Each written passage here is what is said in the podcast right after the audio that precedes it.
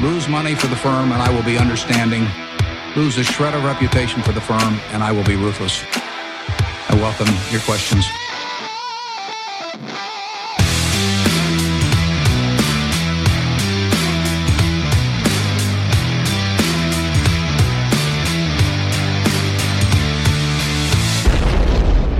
Välkomna till Kvalitetsaktiepodden. Det är jag som är Ola. Det är jag som är Marcus. Ja, och det är jag som är Klas. Det här är avsnitt 18 som spelas in redan på tisdagen Ja. den 24 maj. Ja. Men släpps först imorgon, onsdag då. Någon gång. Jaha, vi kör redan onsdag där. Ja. Kväll, Nej, men- Kvällningen kanske, eller? Ja, Nej. det vet man inte. Vi- vi- Kanske vid börsstängning. Vi sa sist att vi skulle släppa en onsdag, va? Eller? Ja, då får vi göra det. Ja, Men det är blir- halvdag, är det inte? är det halvdag? Är Imorgon? inte? Ja, det är ju röd dag på torsdag. Nu avslöjar vi hur, hur aktiva vi egentligen är på börsen när vi inte kan börsens öppet. Ja, Nej, det är kanske inte där vi... Vi är mer på börsdata om vi ska vara ärliga. Det är ju sant. ja, jo. De är öppna Eh, dygnet runt. De är öppet dygnet runt. Ja, nu får ni bli lite seriösa Ja. här, för ni vet vad som ska komma nu. Ja, ja. Ukraina, Det, jag, jag tänkte, hur länge ska, ska du manifestera det här för? så länge det här kriget håller på. Åh, Så det herregud. kan ni... Men det blir kortare och kortare här, Ola. Okej. Mm. De kämpar ju tappert vidare. Ja, det, det gör de ju. Varje dag dör hundratals oskyldiga soldater och civila. Eh, ryssarna fortsätter att kämpa för att bli ett omvänt Nordkorea. Har ni tänkt på det? Mm, Ja, lite den känslan. De har ju, Nordkorea har ju sedan länge en extremt förtryckt och delvis indoktrinerad befolkning med nästan komiskt galen ledare och sinnessjukt västfientlig propaganda. Mm. Och nu försöker de bli en kärnvapennation.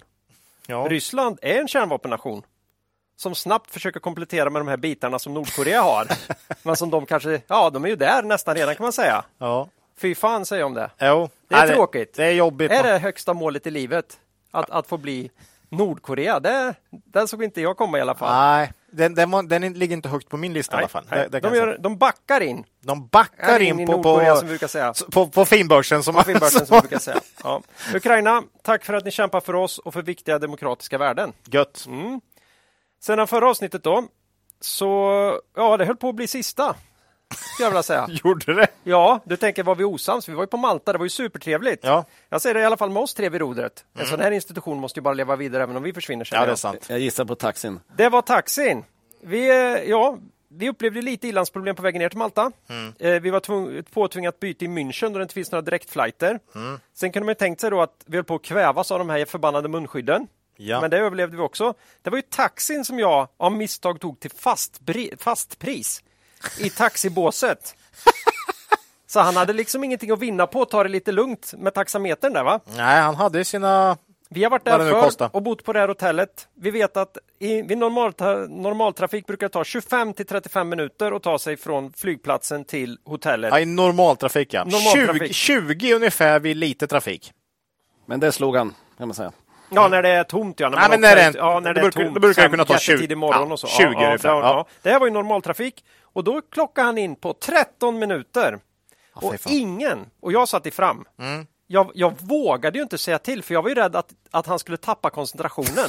det här var ju som vara med i en scen i filmen Taxi. Ja, jag hade den känslan faktiskt. Jag, Mm. Var ju- jag, jag pratar ju lite sådär, du vet, du vet man, man, man, man pratar för att lugna Ja, sig ja, själv. ja, för att bara skoja. Och, ni, Mm. ja, och jag hörde ju det där i bak när ni satt bara.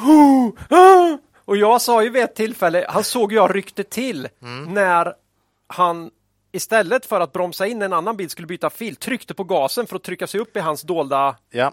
Och, och då sa han någonting om att ja, det är jobbigt att sitta på fel sida va?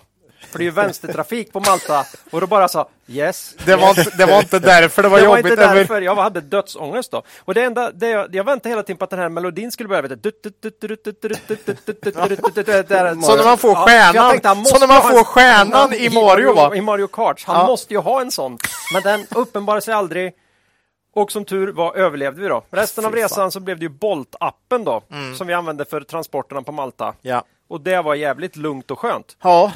Nej, det var, det var ruggigt läskigt faktiskt. Trett- jag, jag tror faktiskt att om jag, om de hade spärrat av den här vägen Nej, som han körde och jag fick fri lejd, visste att det inte var någon trafik, bara fick mata på så fort jag kunde så hade inte jag tagit mig dit på 13 minuter. Jag tror inte det. Och det, Kanske med kartläsare som sa hela Kanske tiden med kart. vart man ska Det var fan rallytempo på den Ja, där det alltså. var- Det var fantastiskt. Och sist, sista biten in i de här smala gränderna också. Ja, det är otroligt. Ja, det var nog femtonde gången jag var på Malta. Jag har inte ens varit nära den typen av... Men det brukar vara lite aggressivt, men inte på den nivån alltså. Nej, det var något nytt. Det Ja. var något nytt. Mm. Eh, Det, det gillar man ju egentligen, men inte just det, Oh. sånt här nytt. Ja. Det var mina mest minnesvärda äventyr som ni också var med på. så- Nej, jag, jag, jag, spe, jag, speglar den. Jag, har ingenting som tillnärmelsevis trumfar den taxiresa, förutom kanske själva trippen då. Ja, det var- var ju väldigt trevligt. Vi kom ju Eh, ner till det blev sommar. Ja, Det hade ju varit pissväder där nere. Mm, nej, vi, det kom ju, precis när vi, när vi kom ner så hade det vänt där. Så det var Så, kalasväder. Familjen, ja, ska du åka ner och ha det fint på Malta? Ja du, det är 19 grader och, och skitväder. Kommer ner 25-26 grader, strålande solsken, ing, ingen vind Mm. Nej. och billig kisk. Ja. Vi, på takterrassen på hotellet. Kisk är Som ju för då... övrigt också hade pool. Ja. Det var jättejobbigt. Kisk är nog den lokala ölen där nere. Ja.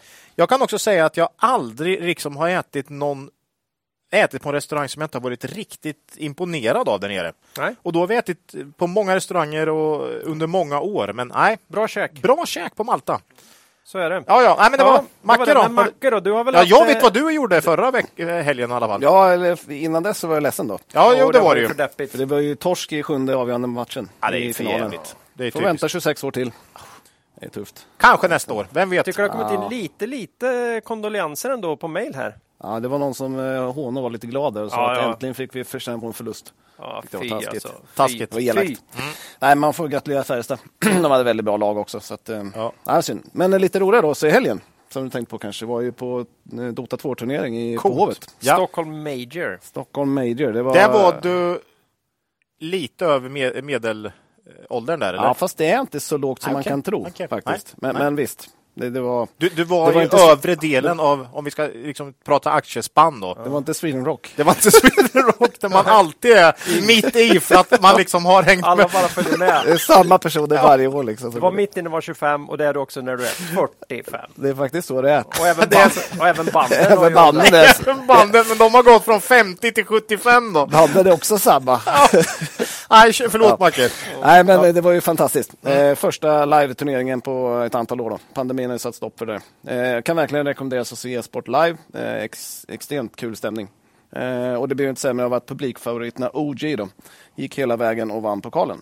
Jäkligt kul tyckte de, jag och majoriteten av publiken. Kul. Det var riktigt Det där skulle jag faktiskt vilja hänga med på, om man bara Och då- och då- visste hur spelet gick, Gick till. Gick till. Och då satt du naturligtvis där med en OG-tröja och tittade på det här. eller? Nej, det hade jag inte. Jag hade en liquid. Ja, just det. Du håller ju, du håller ju på ett helt annat lag du. Hur gick Ja. det för dem då? Nej, de gick det inte så bra för. De Nej. kom aldrig dit. Nej, Du har Tyvärr. inte haft, men du har haft otur i resultaten, men eh, eh, du, du har haft kul ändå. Ja, upplevelsen var bra. Men resultatmässigt så är Liverpool torskar ju också på, Nej, på eh, Eller i slut. slut- Ja, ja. Men du är en eh, fantastisk människa, Marcus, som, som, som tar dig ur. Med lite otur. Ja, ja. Ja, Jag tyckte ändå det blev lite dämpad stämning här va? Och Då behöver vi något som höjer den. Och Vad? ja, vad annat än vi har ju idag glädjen att ha med oss Peter från vår huvudsponsor Cavalier i podden. Alltid lika trevligt. Ja, jag och Macke snackade lite med honom tidigare idag. Och vet ni vad? Det samtalet kommer nu. Hej Peter! Välkommen tillbaka till podden! Tack så mycket. Kul att få vara tillbaka. Kul, kul att ha er här. Eh, Det är alltid lika kul att, eh, att ha er här och få prata lite och eh, få lite korta kommentarer om bolag i fonden som är aktuella. Sådär. Ni har ju fonden Cavalier Quality Focus som ligger nära vår podd i filosofin ehm, och när det kommer till bolag. så att säga. Året har ju startat ganska svagt på Stockholmsbörsen och är rejält ner. Hur, hur går det för er? Det är aldrig kul när det går ner. Då. Fonden är ner ungefär 20 procent. Och i den kategori som fonden eh, ligger i, eh, små och medelstora bolag på Morningstar, så är det ändå bland de tre, fyra bästa fonderna så här långt. Så det är väl en bra. liten tröst då, i det Mm. stora. Ja. Nej, men det är ju svårt att stå emot den, den typen av utveckling vi haft under inledningen eh, av det här året så att säga. Eh, för det är ju långsiktiga kvalitetscase eh, som är grunden i er filosofi. Eh, och eh, då har man gott om tid att få rätt. Så om vi tittar till några aktuella bolag så har ni ju bland annat byggmästare Anders J Ahlström i både Quality Focus och i er investmentbolagsfond. Mm. Det här är ju ett bolag som eh, vi jobbar inte så mycket med investmentbolag, eller inte alls egentligen, så vad är det som lockar er med det bolaget? Eh, först får man säga att det är ett investmentbolag, det är inget byggbolag. Och, det skulle det man var... kunna tro. Ja, precis. Eh, nej, det var tidigare höll man på med, med fastigheter, men eh, man behöll namnet Byggmästaren och menade att nu eh, bygger man bolag istället. Ja, fiffigt. Så att, mm. eh, nej, men det är ett mindre investmentbolag, ganska okänt och de håller ju själva en, en låg profil också. Eh, men eh, de har lyckats väldigt bra. 24 procents årlig tillväxt på sitt substansvärde sedan 2014. Det är bra. Ja. Det består av både noterade och onoterade bolag. Ja. Så en stabil bas av eh, större, eller inte stora bolag, men noterade bolag. Och sen så har man en del spännande kryddor också i portföljen. Som riktigt spännande mm. tycker vi. Ja, Vilk, vad, är det, vad är det för innehav i, i, i investmentbolaget som, som du tycker är mest spännande? De, de har, eh, Green Landscaping är ju det största. Eh, mm. Ett förvärvsbolag som jobbar med parkskötsel och skötsel av vägar. Eh, som har visat en väldigt fin tillväxt, lyckas jättebra med sin eh, metod att förvärva nya bolag. Och där ser vi en eh, stor fortsatt möjlighet att fortsätta växa via förvärv. Mm.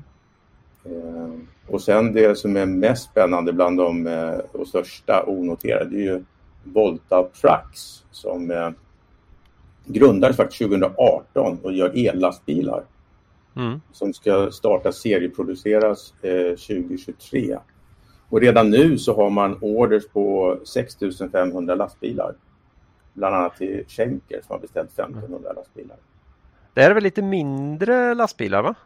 Ja, det här är lastbilar som har en speciell design eh, för ökad trafiksäkerhet. Föraren sitter ganska lågt, eller väldigt lågt, och i mitten eh, av hytten. Och det här är sån här last mile eh, delivery då, in, mm. i, som ska gå i städerna. Och jag tror, om jag minns rätt, 2024 så är dieselfordon förbjudna i Paris. Då. Mm. Så att det, det, är ganska bråttom att, att köpa de här lastbilarna. Eh, och bolaget sa nyligen här att eh, de eh, eventuellt kommer noteras här under 2023, en börsnotering. Ja. Och värdet på Volta är ju som byggmästaren har tagit upp, då, det är ju värdet på den senaste finansieringsrundan. Så, och det finns nog anledning att tro att ett egentligt marknadsvärde är, är nog betydligt högre än, än det värde som byggmästaren har tagit upp bolaget mm. Spännande. Vi, vi kommer att prata Kabe i, i dagens podd här och det är ganska närbesläktat med, med Thule så, som ni har. Mm. Hur ser ni om bolag, tänker ni om bolaget just nu? Eh, ja, vi ser att både Dometic och Thule och andra konsumentrelaterade företag har ju fått väldigt mycket stryk. Eh, så att jag tror att investerarna ser en rädsla att konsumtionen ska gå ner med räntehöjningar, ökade energipriser och så. så att, eh, men det gör ju också att eh, var ju länge sedan man kunde handla Thule till P 16. Det är väldigt låga regler. Mm. Och eh, vi tror ju mycket, både vad det gäller Dometic och Thule, på den här långsiktiga outdoor-trenden. Att folk vill semestra nära eh, ja, hemma och inte flyga utan i båt, bil, husvagn, tält. Och där har ju både Dometic och Thule eh, jättefina produkter. De har ju en väldigt stark position. Mm. Eh, Thule har haft en vinsttillväxt på 22 procent per år i snitt då, enligt börsdata de, de, de senaste sju åren. Mm. Eh, och på kapitalmarknadsdagen här, nu var det spännande för då lanserar man två nya produktkategorier. Eh, då blir det, kommer det finnas Thule bilbarnstolar och Thule hundburar också. Okay. Så det, det, det, passar ju väl in med takboxar och takräcken. Och det är ju det är ju jättesmart med, det, med den marknadsrenommé de har också att gå in på den typen av, eh, mm. av Det är ju stark omsättning i dem. Inte minst eh, hundtrenden här är ju bra att de hakar på för hundarna är ju inköpta under pandemin så nu ska de ut och ja. åka också.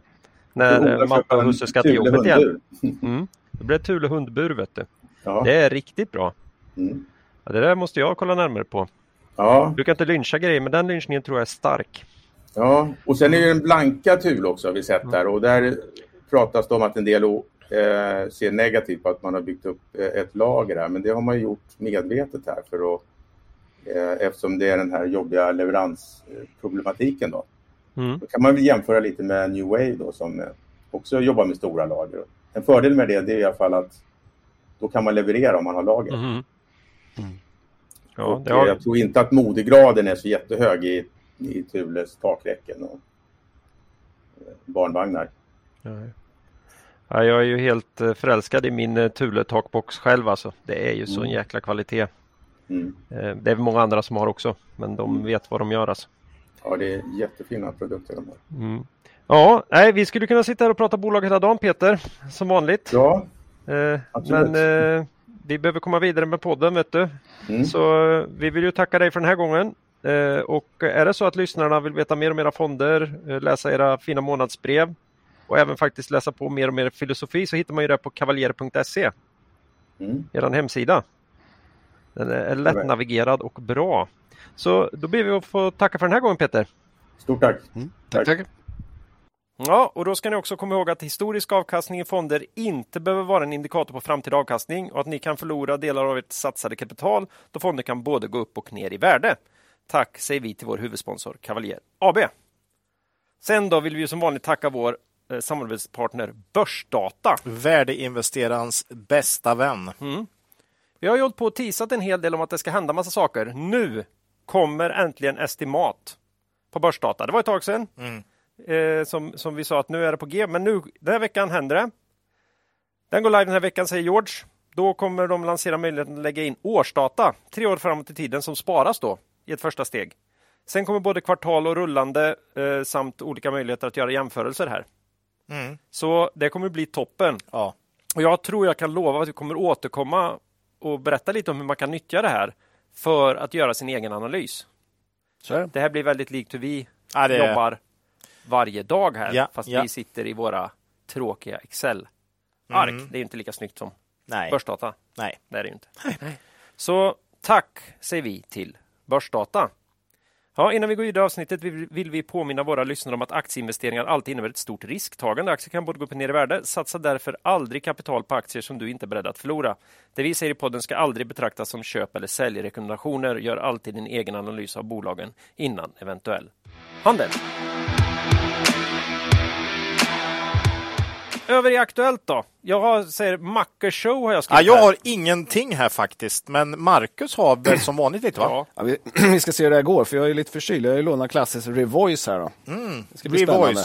Ja. Den, eh, För dig som vill prata om du är lite hes va? Löser det sig så är det voicen som är bra, löser det sig inte så är det du som är ett olösligt fall. Det är de två. Det kan vara så. Den, den var ju rätt slemmig den där. Ja, alltså. den är fantastisk. Den är Den är otrevlig. lite- den- ja, ja, direkt otrevlig, men Mm. bra. Det är ingen underbar upplevelse. Nej, det är ingen underbar. Men så är ju all bra medicin. Ja, all bra så. sjukvård funkar gör ont. Ja. All, all riktigt bra medicin smakar riktigt illa och Revoice är ju helt enkelt lite obaglig. Men Molly Peck, kommer ni ihåg det där? Ja, den var god va? Nej, var den där Var verkligen? den där? Ja, okej. Ja. vet inte. Nej, och de här penicillin man åt när man var liten, det var ju vidrigt ju. Ja, det var vidrigt. Men visst var det bra? Ja, ja. Mm. Penicillin är ju en ganska bra grej Ola. Ja, det är sant. Det är en bra grej. Ja, Nu, numera är ju medicinen god. Ja, det, det är ju fusk. Så ska Ja, det ju inte vara. Det är ju fusk. Ja.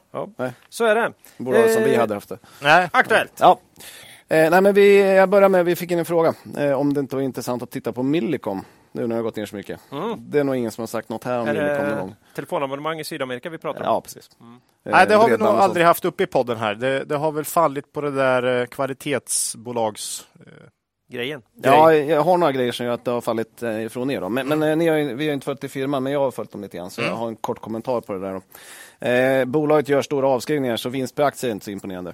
Eh, och sen har man ganska stora skulder. Och det är väl de två faktorerna som har gjort att... Och sen är det lite för stort också. Ja, passar ja, okej. Ja, men det finns några anledningar. Ja. Så det är några anledningar. Men eh, min bild är att eh, verksamheten är tämligen välskött. Det finns eh, värden i bolaget. Eh, man har ju pratat om att spinna loss ett infrastrukturbolag med 10 000 master då, för att visa på att det finns värden. Då, ta in externa ägare. Eh, man har någonting som heter en fintech-del som heter Tigo Money som kan ha potential. Eh, det är inte Loomis Pay då. Eh, nej men det här är liksom i Latinamerika så är liksom man, folk har inte bankkonton på samma sätt som man har i väst. Eh, men Nej. man har alltid en kontakt med eh, telefonoperatören.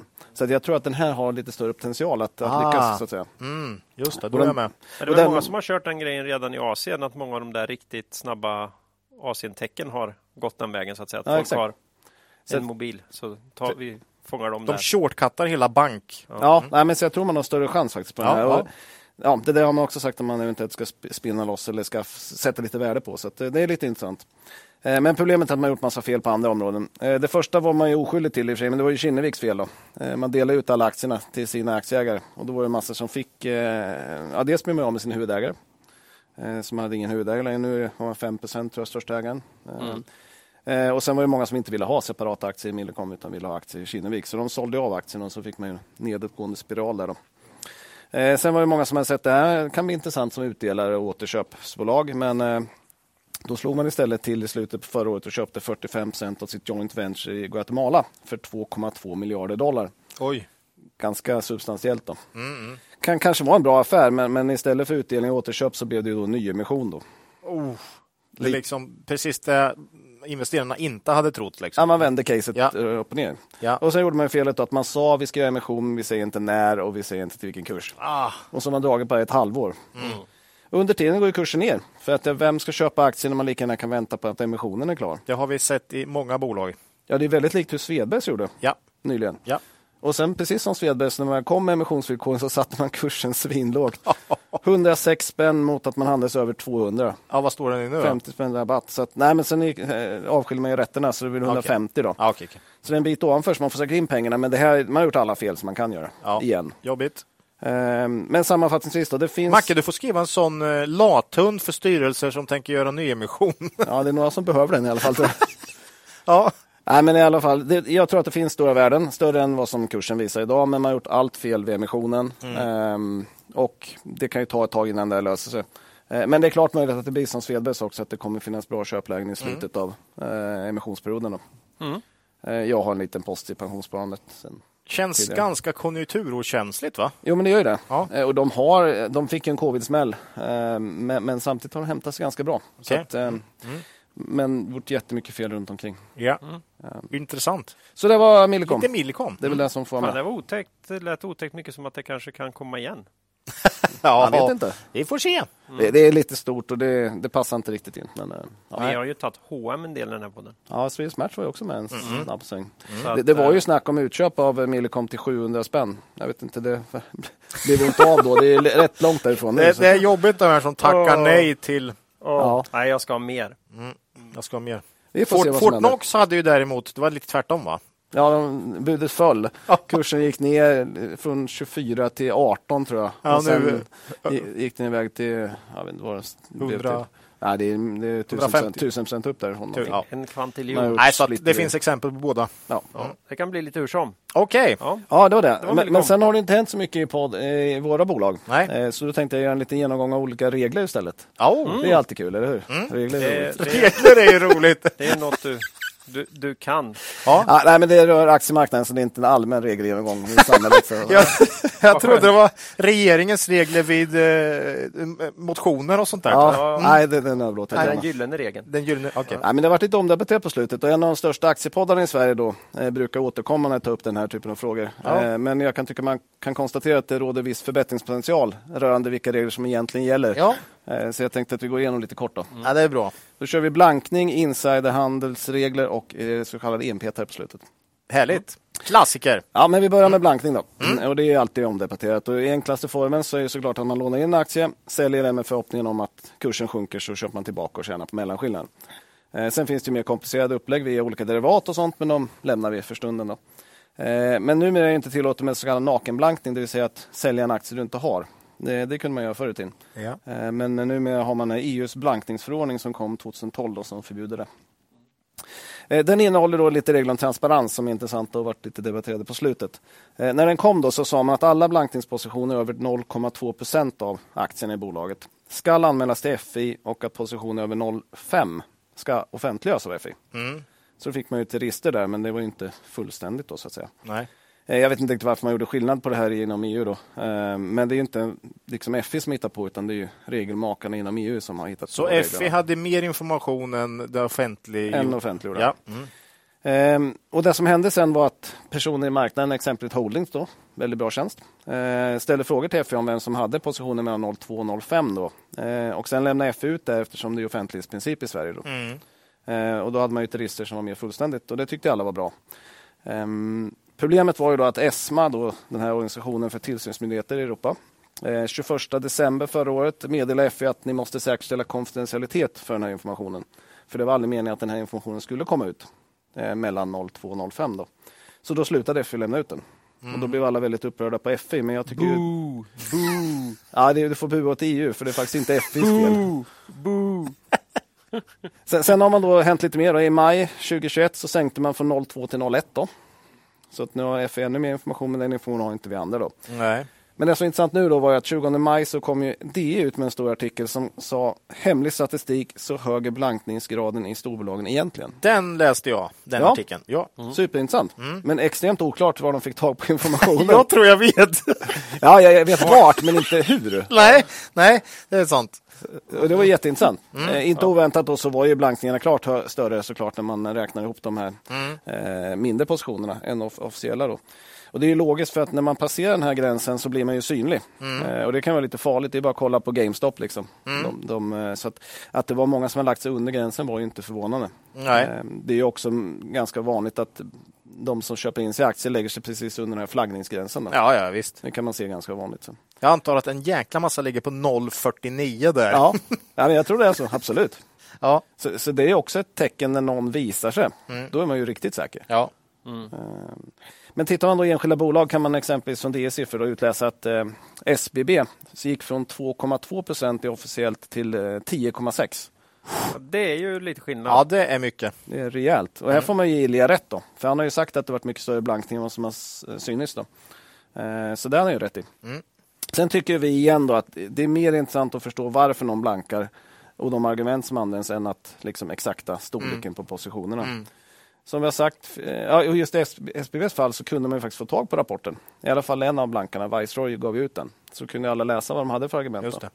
Och då tycker vi, titta på argumenten. Eh, om de inte håller, vad bra. Då kan du ju lugnt hålla kvar positionen, vänta på att blankarna ska täcka eh, och handla upp aktien igen. Men om eh, för, för en blanka kostar det pengar varje dag att hålla positionen. Eh, så de måste ju få rätt snabbt då. Men har de bra poänger, fundera en gång till och då kanske du kan minska positionen eller gå ur. Då. Eh, det är ungefär som vi har sett på det. Ja. Det kan bli ganska kraftiga reaktioner när de ska täcka också uppåt då. Ja. Så att eh, Det finns en dold potential där. Betsson har vi ju sett det i från tid till annan och G5 Entertainment med tror jag av de vi har snackat om på slutet och, och så. För, för man ska ju komma ihåg att om man lånar, eller lånar aktier och blankar dem då, så har man ju en obegränsad nedsida. Aktien kan ju alltid gå upp hur mycket som helst men bara falla 100 Så till skillnad från när du köper aktien så har du en, liksom, en obegränsad eh, eh, nedsida. Ja. Och det gör ju också att, det- och det kostar pengar. Och det gör ju så att den som blankar tar ju mer risk än den som köper aktien. Eh, Och då är det ganska rimligt att tro att man gör en djupare analys än när man bara köper. Eh, Eftersom man tar mer risk då. Så därför är det relevant att fundera på varför man gör på det här sättet. Ja, man absolut. Visst. så det tycker vi man ska med som en parameter när man tittar på case och det brukar vi fundera på. Det var blankningar. Just det, sen, sen eh, är det som sagt det är inte FIs fel att informationen inte kommer ut sen. Nej. Så skicka ett brev till din lokala EU-representant istället. Ja. Vem det nu kan vara. Nej, jag vet inte, men jag får väl söka upp vem det är. Också. Mm. Nej, men det, det är svårt för FI. FI får skulden för massa grejer som faktiskt EU hittar på. Mm. Nej, det är sant. Så, så att, ehm, nästa område då, insiderregler. Eh, vart omdebatterat på slutet här för att eh, bland annat det är lite poddar som jag lyssnar på. Ehm, det togs fart efter att ledningspersoner i Awardit eh, sysslar med så här lojalitetsprogram. Ja, det känner jag till. Ja.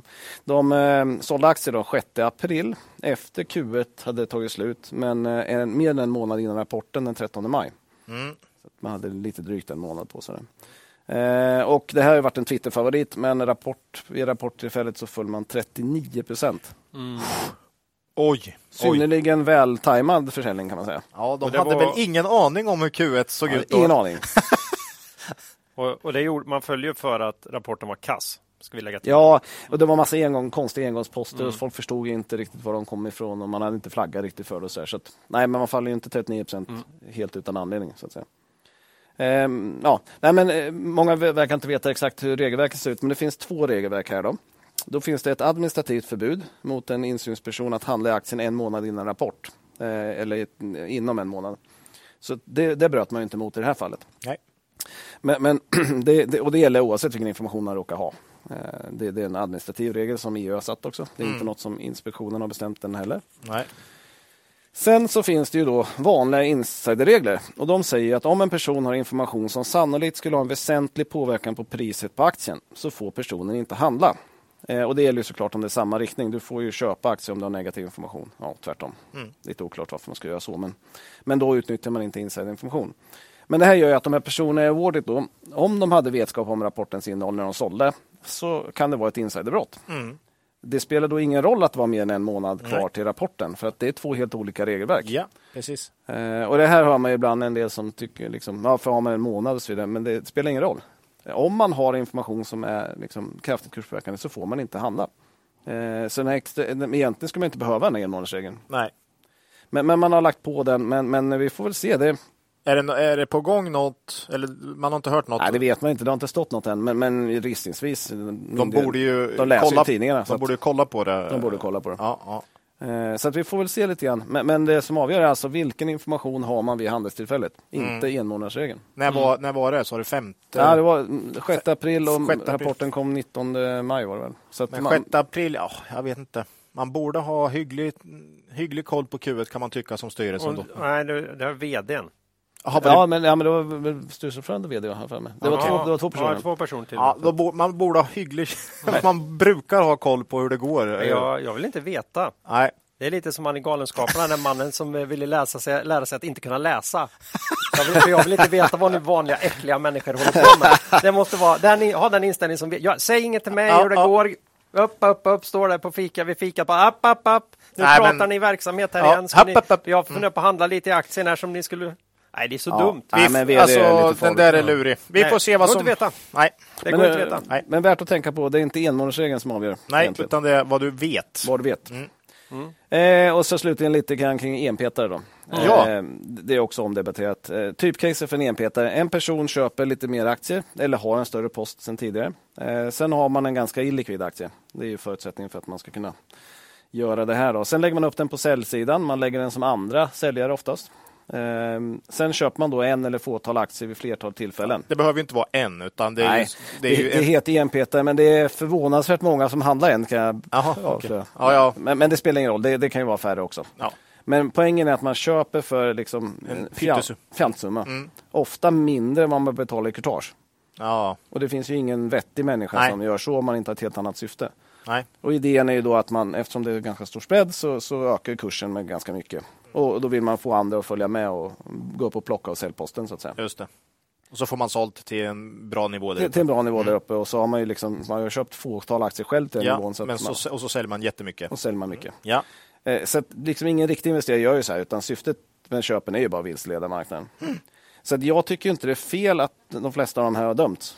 Eh, För syftet har varit något helt annat, det är bara att luras. Ja. Ehm, Det som är konstigt är ju nivåerna på böterna. ja. precis. Det har ju många gånger varit hundratusentals kronor i böter trots att man har liksom inte kunnat tjäna några större pengar och skadan på marknaden är inte så stor ändå. Nej. Eh, Och det blir ännu tydligare då om man jämför med de grövre marknadsmanipulationsbrotten. Då. Eh, För de tar inte FI själva och, och, och bötfäller utan då ger man dem till EBM Okej. som, som driver dem i domstol. Då. Ja, ja. Eh, Och då blir det ofta dagsböter och då har man tittat på att det kan ofta vara 10 till 20 000 kronor. En tiondel av vad du får från FY då. Och då får man alltså en Ja. tiondel i böter när man gör ett grövre brott Ja. än de som begår de mindre brotten. Och det är ju inte hållbart i längden. Och sen är det under hot att annars så, annars så drar vi in för rätta och så blir du ändå dömd och så får du en prick i. Så kommer alla framtida arbetsgivare kunna se här att du är en ekobrottsling. Liksom. Och, och det är det som är, Det är när man får fult. 10 till 20 000 i, i domstol så säger ju EBM då, ja men man får en prick också. Så visst, det är inte 100% jämförbart för man får med en prick där. Men, Fast men det är ju tvärtom, det är ju bara, det är ju bara ett sätt att, att ännu ytterligare tvinga vanliga människor att betala de här sinnessjuka böterna. Ja, men nu, när jag tänkte på när du blir dömd i domstolen Ja. så får du en prick. Liksom. Så att när, EBM säger då att ja, 10-20 måste jämföras med 100 till 200 fast utan prick. Jo, Så- då- att- men det är ju ett hot. De Ja. hotar ju med pricken. Det är för jävligt. Ja. Nej, det, det här är sinnessjukt. Det är ju som att man skulle parkera, parkera fel. Mm. Ja, det kostar 80 000 att stå här ute. Mm. Du har inte betalt avgiften här. Ja, om du går till domstol, det kan nog bli en 400 Men då syns det också.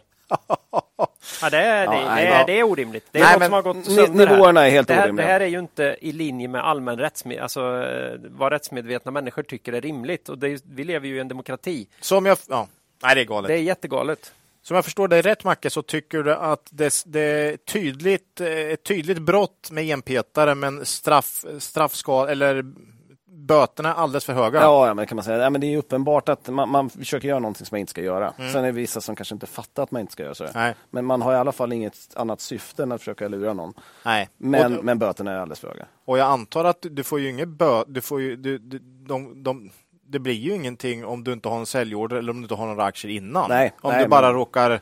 De, Alltså- de, de flesta casen är ju de här att man faktiskt försöker sälja, lägger upp Ja, ordern. ja. Så det är väldigt få case där man bara kursvårdar och sånt. Och de kan man väl diskutera, det finns sådana också. Men, Ja, jo det är klart. Kursvård, mm, jo det är sant. Men om du inte har några aktier innan alls, då finns det ju ja. ingenting. Nej, men det, det, Då kan ju din kompis ha aktier istället. Ja, så det är att det, sant. där är Ja, det, det är svårt. Det är ett men- jävla udda, det är ett väldigt märkligt beteende. Varför? Gör inte den typen av Nej, grejer. för sluta fan. handla Gör pytteposter om ja, ni- Gör om- riktiga affärer. Jo, men om man liksom betalar ett större courtage än vad, vad det är värt när man köper, vad, vad håller man på med då? Liksom? Nej. Det jobbiga är ju om du handlar A-aktien i Berkshire. Ja, men, Jag det, är li, äntligen, jag det är lite skillnad. jag har äntligen samlat ihop så jag kan köpa en aktie bara. Då ringer FI direkt. Eh, vad fan, Vad fan det, håller du på med? Notera enpetare i Berkshire här. Vad är det? 2,5 miljon för en aktie? Ja. Okej. Nej. Det, det är svårt då när man lägger upp den stora posten som man försöker sälja. det är nästan liksom, bara Buffett själv. Liksom. Miljardposten. Ja. ja. Och sen Ja. petat. ja, det är bra. Ja, Ja, men bra. Nej, men så, så är det med det. Så att, eh, det finns lite att jobba på tycker vi storleksmässigt där. Bra, Macke. Och sista grejen då på Ja, regler ja. var ju att vi har eh, funderat lite över våra egna handelsregler. Ja, Det blev Eh. lite så här när du kom in Ja, de har vi haft uppe tidigare, men... eh, podden. ja nej, men de är ju liksom, vi har ju själva tagit på oss de här. De är ju, det finns ingenting som reglerar hur, hur, hur någon som har en podd får handla i marknaden. Eh, Men vi har liksom antagit de här reglerna för att ja, inte någon ska tro att vi profiterar på kortsiktig påverkan på aktier som tas upp i podden. Vi tycker också det känns bra Jo, det känns för bra. oss själva. Det blir Nej, men det är. Det riktigt. blir enkelt. Ja. Men då har vi tidigare sagt att vi har en gräns på två veckor för handel i bolag eh, under large cap då, som är med i podden, eh, där vi är positiva och negativa. Vi får inte sälja om vi är positiva, inte köpa om vi är negativa. Nu har vi re- reviderat det lite grann. Då. Nu har vi sagt att ingen handel får ske inom två veckor i bolag på small cap eller mindre. En vecka på mid cap eller motsvarande storlek, men inte någon begränsning på large cap eller motsvarande storlek. Nej, eh, på bolag. precis. Ja, det har väl blivit ganska tydligt i, i, i många av de där bolagen att eh, efter någon vecka så har vi ingenting med Betssons. Ja, det var egentligen Betsson här som, som eh, Ja. initierade det här när vi, när vi liksom diskuterade Betsson och så kom vi fram till att man är inte large cap längre. Man, man är faktiskt mid cap. Okej, är det två veckor som gäller och efter en och en halv vecka så känns det som att eventuell påverkan på Jag tror är inte vi har noll. påverkan på Betsson dag ett ens. Nej. Men, men visst. eh, Men då, då satte vi den här typen av gränser istället. Ja. En vecka. Jag, jag, tycker man har, jag har faktiskt aldrig sett någon form av effekt som håller någon vecka. Men däremot kan man ju se en dag eller två faktiskt ibland eh, när vi har pratat om en aktie. Så Särskilt det, i mindre bolag. Då, så att, särskilt eh, framför allt i mindre. Vi har ju ofta kommenterat hur oerhört snabbt många av våra läsare gör sin, eller lyssnare gör sin egen analys. Ja, det är frapperande alltså Det vad de är jäkla- snabba. Särskilt då på den tiden när jag var lite slarvig och släppte strax före börs. Mm. Skulle man nästan kunna gissa att folk gick tillbaka och lyssnade på vilka, vilka vi ä- hade ägande i och handlade på det. Nej. Eller, eller kan någon ha satt en robot på den där, bara skanna av bolagen och sen bara det, vi köper allt här. Och Fan så. vad mycket roligt vi kunde haft med det om det vore så då. ja, nej, men så, Anoto skulle jag säga. Ja, nej. Ja. det kan väl ingen köpa? Nej. och så missar de ingen. ja, men det är bra Macke. Ja, nej, men det, så- det så att, tycker- ja. ja. Känns, eh, kä- känns som rimliga regler. Ja. Eh, och något som vi absolut tycker är, är rimligt. Vi kan nästan utmana andra aktiepoddar att göra likadant. Ja, tycker jag är en, eh, ingen, ingen dum idé. Jag har för mig att det finns någon podd som varnar för att eh, åsikter som sägs kan redan ha agerats på. Och sånt. Det är, liksom vi är lite, lite konstigt. lite tvärtom då. Men som sagt, det finns vad vi vet inga krav på, Nej, nej. utan det här är själv Det är på helt taget. självpåtaget och vi är ju långsiktiga påstår vi här. Andra är ju daytraders. Så då är det Så ju då är det ju skillnad. Då, då är ju hela deras levebröd på något sätt. Så att Ja. Det beror lite på hur, hur långsiktig man påstår sig vara tycker jag också. Ja. Nej, men bra Marcus, det. en uppdatering på det.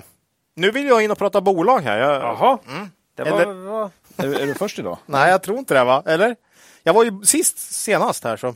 Jag vet inte hur många bolag det är. Det är 8-9 stycken, men vi börjar i alla fall med Bahnhof. Nej, det var inte alls du Ola. Nej, det här är bred, bredband till folket. Ja, det Ja, får man är säga. det. De avslutar 2021 svagt. Hur har 2022 börjat? Var senast med avsnitt 112. Ja, precis. De var ju med efter Q4 då. Eh, och då konstaterade att man ju totalt missar helårsprognosen.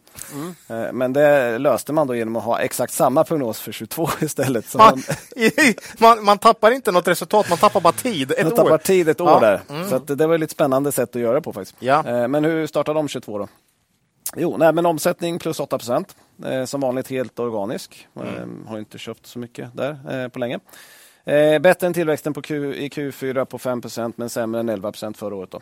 Eh, men för att nå helårsprognosen krävs 8 procents tillväxt så att man är över det i alla fall.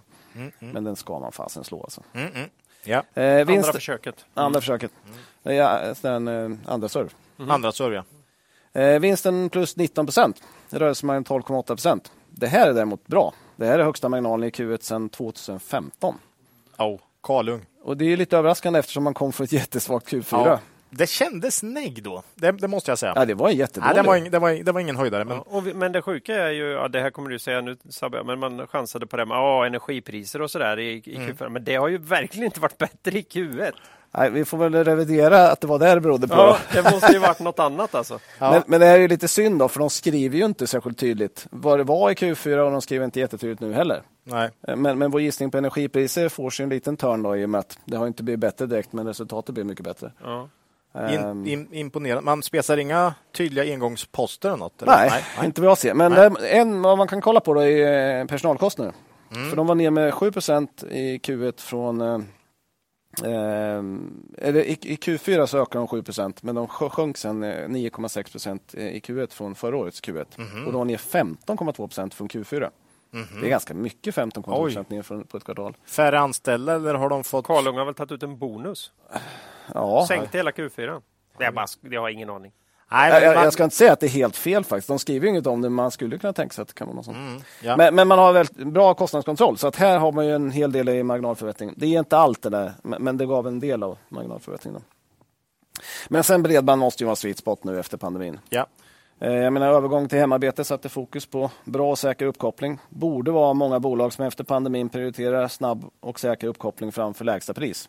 Mm. Eh, Borde, och det borde ju vara bra för, för banor, för de är inte billigast, men de är bäst. Mm. Ehm, Och inte dyra ändå. Nej, de är inte dyra, men de, det finns billigare alternativ. Jo, men de ja. är ju kvalitetsoperatörer. Ja, ja liksom. visst, visst. Så det här borde vara bra för dem. Eh, Man skriver i rapporten att kriget i Ukraina också driver på efterfrågan om maximal datasäkerhet. Om det är någonting som de brukar profilera sig på så är det just det. Man pratar i rapporten om att företagskunderna ökar eh, och det är bra. Eh, men sen kan man säga att omsättningen från företagsmarknaden bara är upp 2% från föregående år.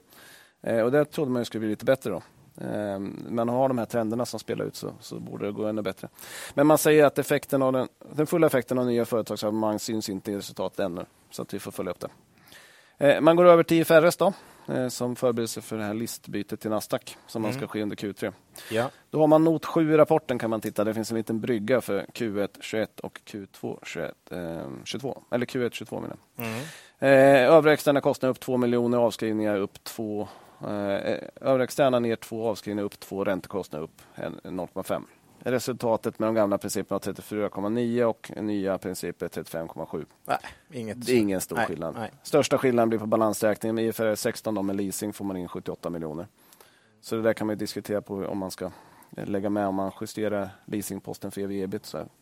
Men spontant, lägg inte så mycket kraft på redovisningsbytet eh, för Bahnhof. Eh, vi tror nu att Bahnhof kommer slå prognosen. Eh, det var ju inte en ribba då, i och för sig, eftersom det är Nej. samma. Mm. Eh, Man nådde en vinst per aktie på 0,39 i Q1.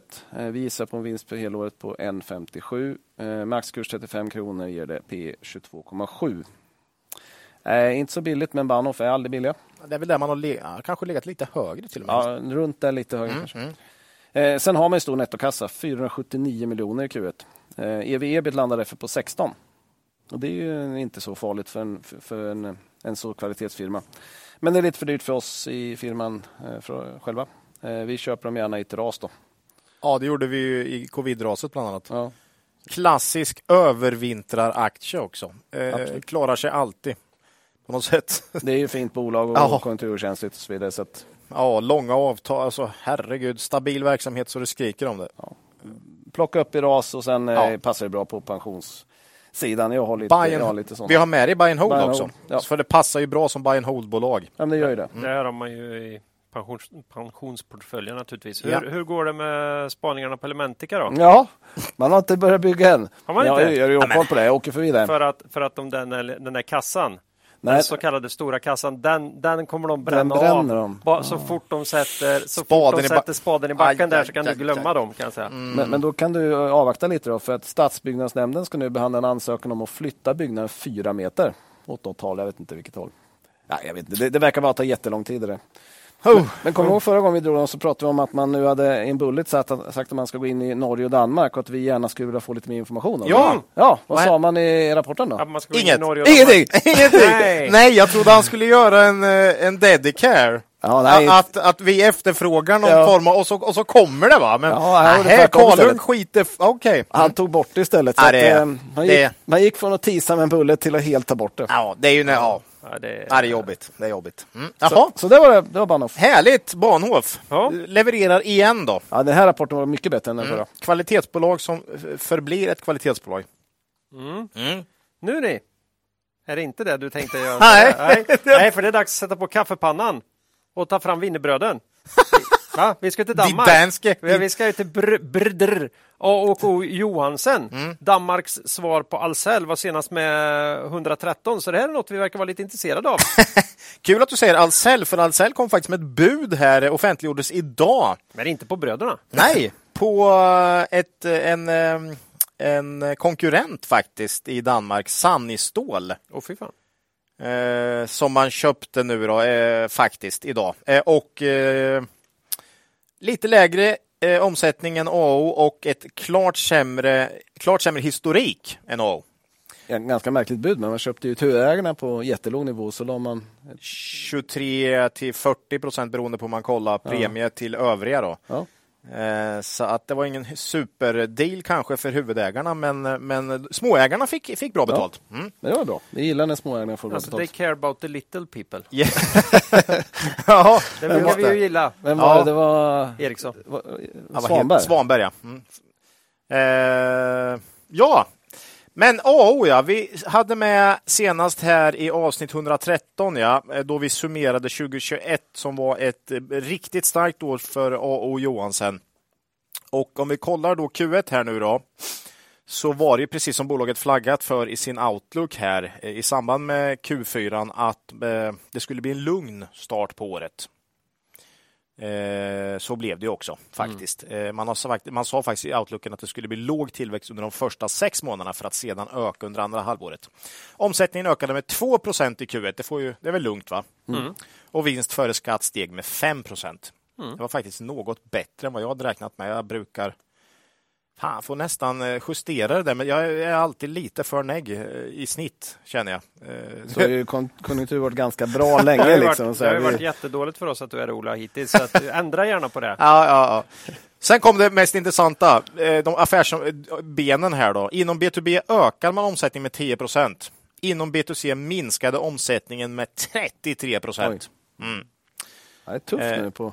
Ja, och det här var ju lite det vi flaggade för sist vi hade uppe eh, bröderna AO här, att eh, det nog kunde vara en pandemieffekt i B2C. Då sa vi också att det är ändå skönt att B2C bara står för typ 10-15 procent av omsättningen. Just, det Ja. slår inte lika hårt. Så, men det var ju 33 procent ner, så att, eh, men B2B tror man på riktigt fint då och totalen blev då lite plus. B2C är fortfarande upp dock 26 procent såg jag jämfört med 2020. Så förra året var ju brutalt då faktiskt. Eh, bruttomarginalen steg något, eh, precis som rörelsemarginalen. Eh, från och med Q2 kommer ett förvärv in här.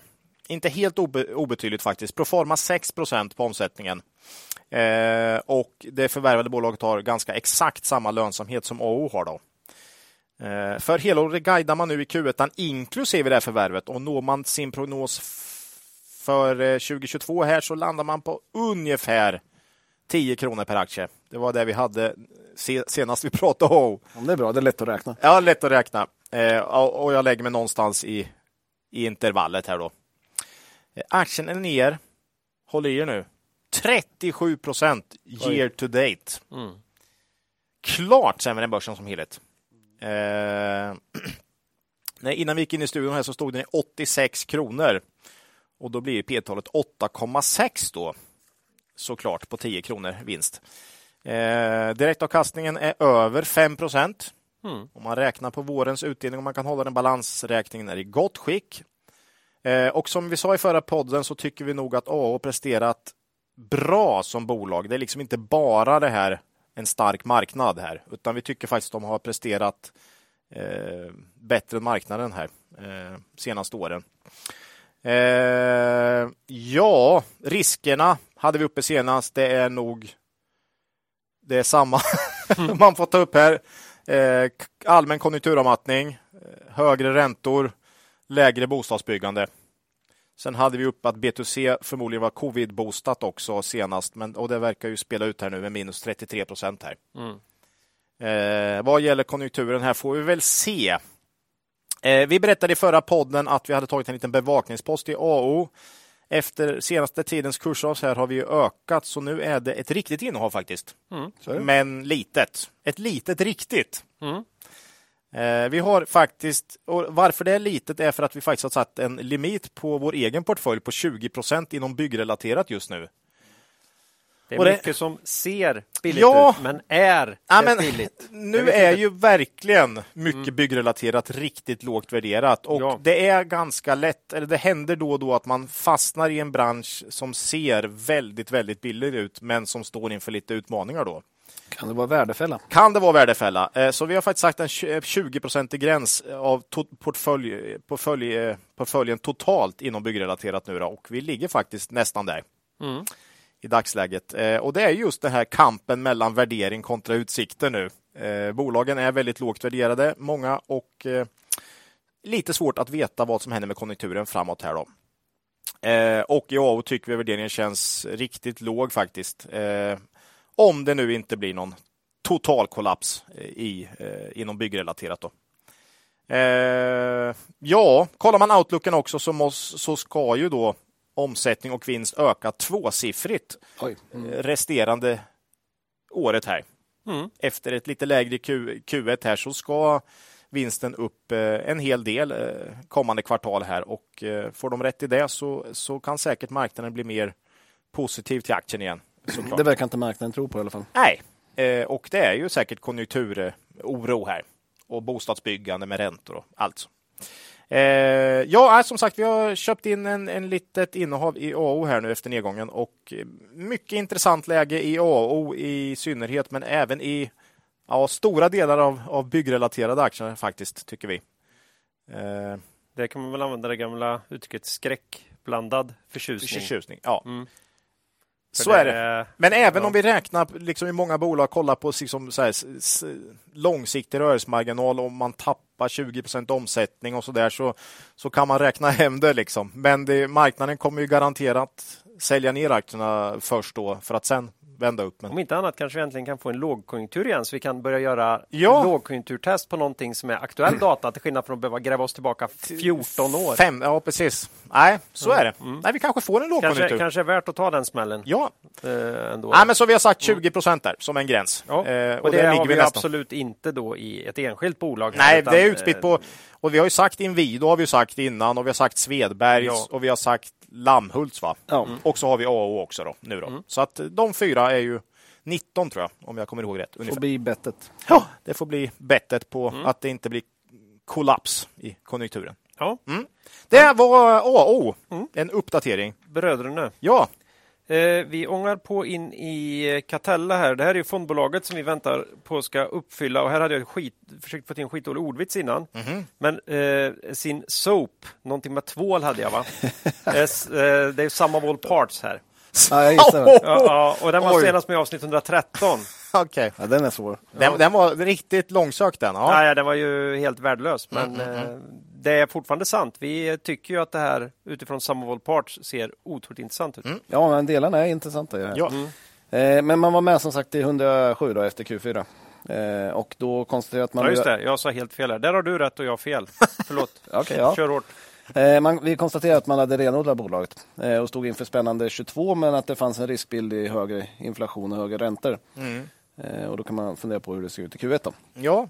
Och den här rapporten kom 6 maj. Totala intäkter 581 miljoner, upp 84 procent. Då. Men här är det redovisningsmässigt lite stökigt. För man får in hela effekten av den här sålda logistikfastigheten i Norrköping. Man ägde ju bara hälften. Så att kolla sida 4 i rapporten. Där finns det en bra uppställning över vad som är hänförligt till Catellas aktieägare. då. Så det var en bra, bra eh, upplysning. Eh, Rörelseresultat 216 miljoner i koncernen men då som sagt är det inte allt Catellas vinst utan vinsten per aktie blev eh, 0,9 kronor. Då. Jämfört med...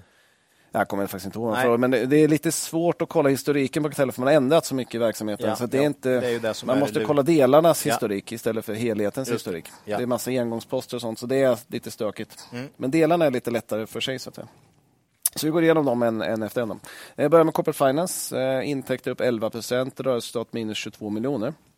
Eh, Det är ändå bättre än 26 miljoner förra året då, eh, i Q1. Korpen förlorar alltid pengar i Q1 eh, för man gör inte så mycket fastighetstransaktioner. Eh, Normalfallet det är i Q4 man stänger väldigt mycket. Eh, Men då har man också 17 miljoner i avvecklingskostnader för man stänger ner Tyskland och Baltikum. Eh, Rensar man, rensar man för det då så är det minus 5 då. Så då är det klart bättre än eh, 22, eh, 26 minus då, som förra året. Och intressant var att man sa att de här två marknaderna hade varit förlustdrivande och på konfkåret sa man att de hade gett 40 miljoner i förlust 2020 och 2021. Jag gissar att det är 20 varje då. Men det är ju substantiellt för Korpen gör ett nettoresultat på 60 till 70 miljoner om året. Så det är ganska mycket besparing man gör då. och det höjer vinstnivån substantiellt inom Korpen. Då. Så bra beslut att stänga igen den. Och Det kan man ta lite grann på det här temat att de faktiskt har en ny ledning nu som ser över renodlar och liksom verkligen ja, ser över alla delar av verksamheten. Så att säga. Fastighetsinvesterarna, då, deras egna, hade ett starkt kvartal. Man sålde den här fastigheten i Norrköping. Eh, Boken en vinst på 106 miljoner. Eh, lite mindre än vad jag trodde. Eh, men man hade 30 miljoner som ska komma när man har gjort klart solpanelinstallationen på fastigheten. Oj. 30 millar, jag vet inte. Det. De kan få sätta upp hos mig med. Jag är lite sugen faktiskt. Ja. Säkert om de sätter upp för 30 millar då. Nej, det är lite Behöver du inte ha konstigt. något annat klimatskal på kåken? Det blir bara solpaneler. Jag förstår inte riktigt 30 millar, men det kanske var att man, man sa att man håller inne med betalning tills ni är klara med det där. Så att just summan behöver Det beror på hur stor kåk eller fastigheten är. Ja, jo, den är stor. För, för det kostar.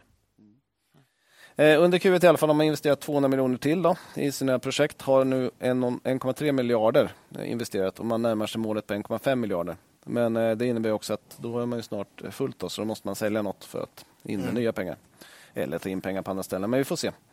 Eh, man har ju sagt att 2022 ska vara harvesting year. Det Ja. uppre- upprepades på konfkålet. Eh, Man sa att det finns ett stort intresse från investerarna för portföljen. Man sålde den här logistikfastigheten i Norrköping till ett jättebra pris. Långt bättre än deras interna mål om 20% avkastning per år. Då. Det blir intressant att se vad man får för pris på de andra liknande logistikfastigheterna här senare under året. Sen har man den här försäljningen av Kaktus, det är studentbostäder i Köpenhamn. Och då sa man det, it's pretty imminent. Det, det borde vara väldigt snart tycker jag. Ja, tycker jag med. Pretty imminent. Ja. Eh, Så att det borde ju bli närtid. Det ska bli fruktansvärt intressant för det här kan bli ganska mycket vinst. Ehm, Men vi får se. Eh, Hela det här affärsområdet hänger på, får man ett antal försäljningar så kan börsen sätta multipel på vinsten och då får det stor påverkan. Ja. Fan, om man kunde liksom fördela intäkterna på många kvartal. Ja, det, är ju så, det, här är, ja, det är en jättelång diskussion kring det här med successiv vinstavräkning. Eh, där, man ju liksom från, från bolagets sida ofta vill göra successiv vinstavräkning, det vill säga att du tar en del av vinsten innan du har sålt det, men du har upparbetat värden som Ja, du säger. ja. Men då blir det svårt att veta hur stora de, det öppnar Ja. upp möjligheter liksom för liksom, hur mycket vinst har du Ja. fixat. Liksom. Mm. Så det där är en ganska svår fråga i redovisningsvärden. Mm. Men, men det har man inte här, utan här får man vinsten när man säljer. Mm. Så vi hoppas de säljer i år som de har sagt. Eh, viktigaste delen är ju trots allt fastighetsfonderna. Och det är de här som heter PIM, Property Investment Management. Och lagom till man har lärt sig där då så har man döpt om det här Nej. igen Nej, till Investment Management. investment. Så det är IM istället för PIM. Men, men jag noterar att VD flera gånger under prestationen sa PIM. Då. Så han har inte heller lärt sig. Fan, jag hade hängt upp allt. Jag är ju tennis eh. Jag hade, Pim, pim, pim. På pim, pim, Pim, hade jag hängt upp det här. Ja. Synd, då får jag ju tänka om här. Jag In- tänker på de här små, små godis. godisbåtarna. Ja, bo, oh, fy fan, det är gott det. Ja. Ja, det är riktigt gott. Så jag har varit ganska Mm. positiv till det här Jo, området. jag, det vet jag. rö, rött och, och, och båtigt har Ja. du. Det, kom, det kommer bli tufft för er. Ja. Men sagt, Okej. VD hade inte heller koll, så att, eh, det är nej. inte alla. Det är inte bara Jag vi. kanske döper om igen om vi har tur. Eh, Men Q1 är inte det starkaste kvartalet normalt sett för den här delen. Då, men man ökar ändå intäkterna med 16 procent. Nådde rörelsemarginal på 20. Det är upp från s- 14 förra året. Ja, det är bra. Ökar kapital, eh, förvaltat kapital med 17 miljarder till eh, 20 126. Eh, Att marginalerna stärks så kraftigt förklaras av skaleffekter för man blir större, vilket är exakt vad man vill se. Då.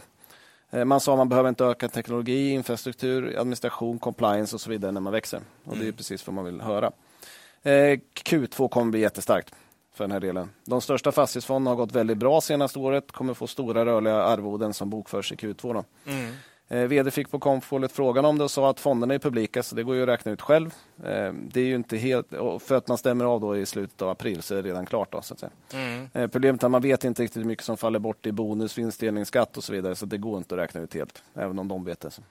Jag tycker ändå de kunde nästan säga det när de vet det. Jo. Men han sa att det kommer vara significantly higher än eh, 2021. Okej. Så vi får se. Men det här blir väldigt spännande. Eh, man kan gissa på att det är över 200 miljoner kronor och efter avdrag för bonus så 150 miljoner. En gissning. ABG gissar på 151. Så. Väldigt spännande Q2-rapport. som Ja, det är lite harvest year här. Ja, det kan bli väldigt intressant. Eh, samtidigt är det inte helt lätt att veta hur man ska se på Catella ur värderingsperspektiv. Vi gjorde ju då en sum of all parts eh, som var 69. Jag tycker den är relevant fortfarande. Eh, utvecklingen har snarare varit bättre än, eh, än vi trodde när vi gjorde den. Men en helt avgörande faktor är ju om man, vad man sätter för multipel på, på IM då, eller PM och om man ser pro, projektverksamhetsintäkterna som engångsintäkter eller multipel. Då. Eh, Redeye och ABG har uppdaterat prognoserna efter förra rapporten. Eh, de tror på vinst på 5,54 kontra 5 kronor i år. Då. Eh, men de tar ju med projektverksamheten. EM aktiekurs på 39, P 7,2 kontra 7,8. Det är ju inte så högt. Nej. Men, men då får man multipel så att säga. Eh, vi har ju efter Q1-rapporten köpt in ett innehav i Catella. Då. Det är inte heller världens största. Nej. Men, vi tycker ändå det ser så pass intressant ut. Då. Som eh, tidigare, riskbild, höga räntor, vilket ju tyvärr har börjat spela ut och det är därför hela den här sektorn har gått dåligt. Ja. Eh, jag menar, många fastighetsbolag har gått svagt. SBB har tappat 59 procent. Catella har gått ner 17 procent. Då. Med tanke på hur mycket som gått rätt så är det lite taskigt. Men Mm. Ändå det är ju... upp 7% sista tre månaderna här, så de har nog överpresterat lite. Men de går ju som sagt internt bra här. Ja, de går bättre än branschen i övrigt, så att säga. vilket de ska göra tycker jag. Ja. Man genererar riktiga vinster. Det här är ju inte uppskrivningar av befintliga fastighetstillstånd för att Nej, man ändrar eh, liksom, diskonteringsfaktorn, utan det här är ju riktiga vinster. Ja, det, är, det är intressant. Det är ett spel, värdering kontra världs... kontra räntor Ja. etc. Mm. Så vi, vi tycker ändå det är stabila, stabilt bett i den sektorn, men man ska vara medveten om riskerna ja. i, inom hela sektorn. Ganska mycket just där just nu Ja.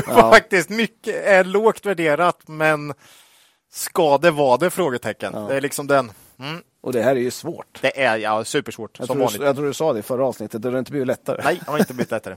Ja. Jaha, Nej, eh, vi har ju den här ständiga kampen om vilka, vilka avsnitt bolagen är med. Jag inser att det var med 107. Det var ju också med i 113 Catella.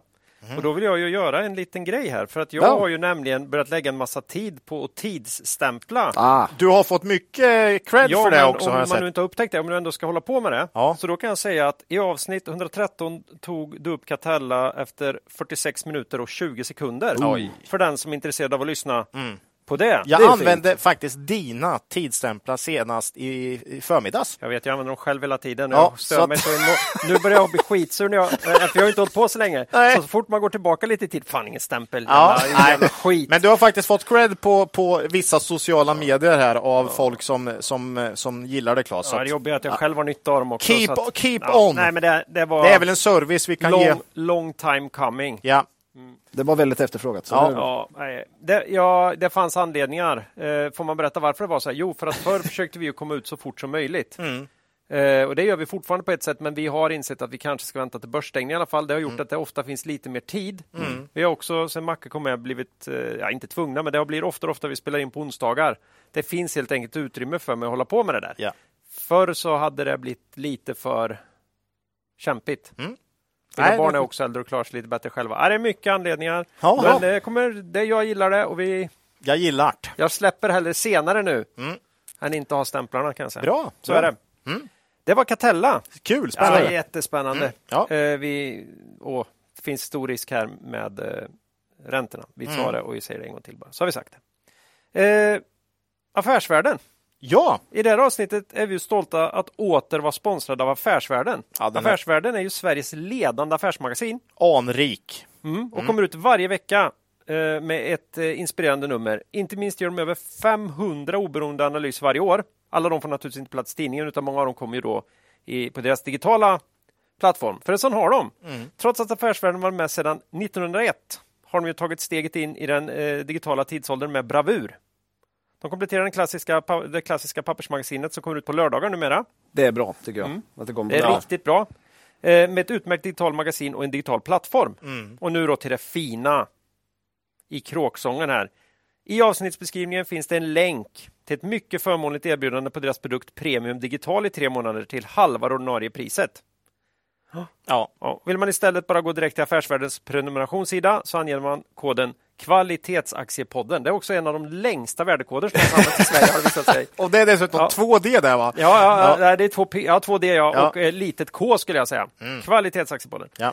Eh, ja, man kan använda det som värdekod. Då får man ju tillgång till erbjudandet den vägen. Och vi tänker som brukligt nu då under några avsnitt framöver titta till något av eh, Affärsvärldens aktuella analyser eller artiklar. Och idag tänkte vi ju det var viktigt att lägga pappren på bordet direkt. Ja, Och ta därför upp Duni, Ja, du eh, som Alexander Siljeström på Affärsvärlden analyserar nummer 21 av tidningen. Ja, Kom ut i lördags. ja. Duni har ju vi också följt under många år. Men vi tappade tillfälligt intresse för Duni. För det gjorde nämligen också deras kunder. Ja, fan. Inom hotell och restaurang då, Jo. eh, i samband med den förbannade pandemin och de restriktionerna som gjorde att de, de det var ingen som bodde på hotellen, det var ingen som, som åt på restaurangen. det är obra. Och därför har inte vi tagit upp dem sedan avsnitt 80 i november 2020.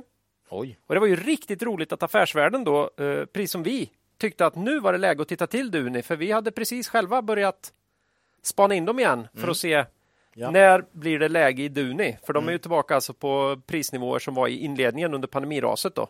Kanske var nere i 80 spänn och nu handlas de runt 87 kronor. Eh, ja, för vardagen börjar återgå till det normala ur ett pandemiperspektiv, i alla fall där vi bor. Och eh, ja, vi kan väl redan här avslöja att vi delar affärsvärldens syn på bolaget och riskerna och möjligheterna som finns framåt. Men det där tar vi ju i slutet. va? Så Ja. innan vi kommer dit så behöver vi kanske ha lite mer kött, Kött på benen om vad du nu befinner sig idag.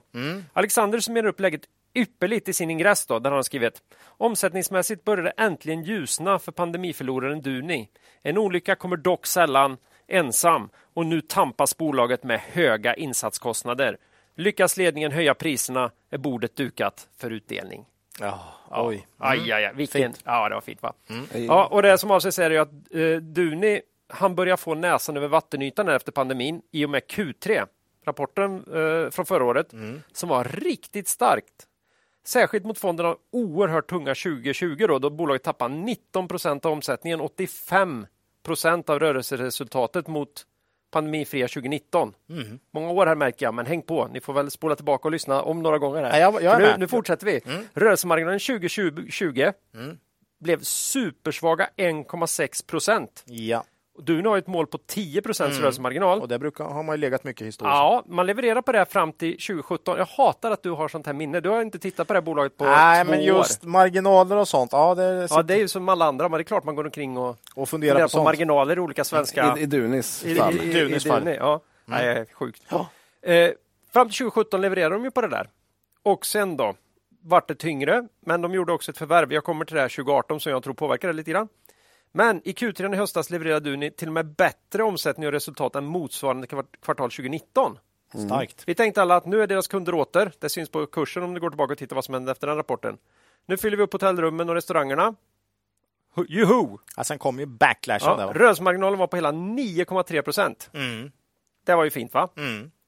Ja, och här skulle vi då komma ihåg att du, du gjorde ett förvärv under 2018 och skaffade sig ett, eh, det här nya affärsområdet Biopack Mm. som levererar måltidsförpackningar från bland annat hämtmat. Och det har ju gått bra under pandemin. Ja. Så det har nog, fatta hur det hade gått utan dem. ja, det har nog bidragit positivt. Här tycker jag man ska gå in och läsa Affärsvärldens artikel för att få mycket mer kött på benen om, om det här spännande benet för bolaget. För det är ju intressant alltså. Det växer och kan bli, på sikt bli minst lika stort som traditionella Duni.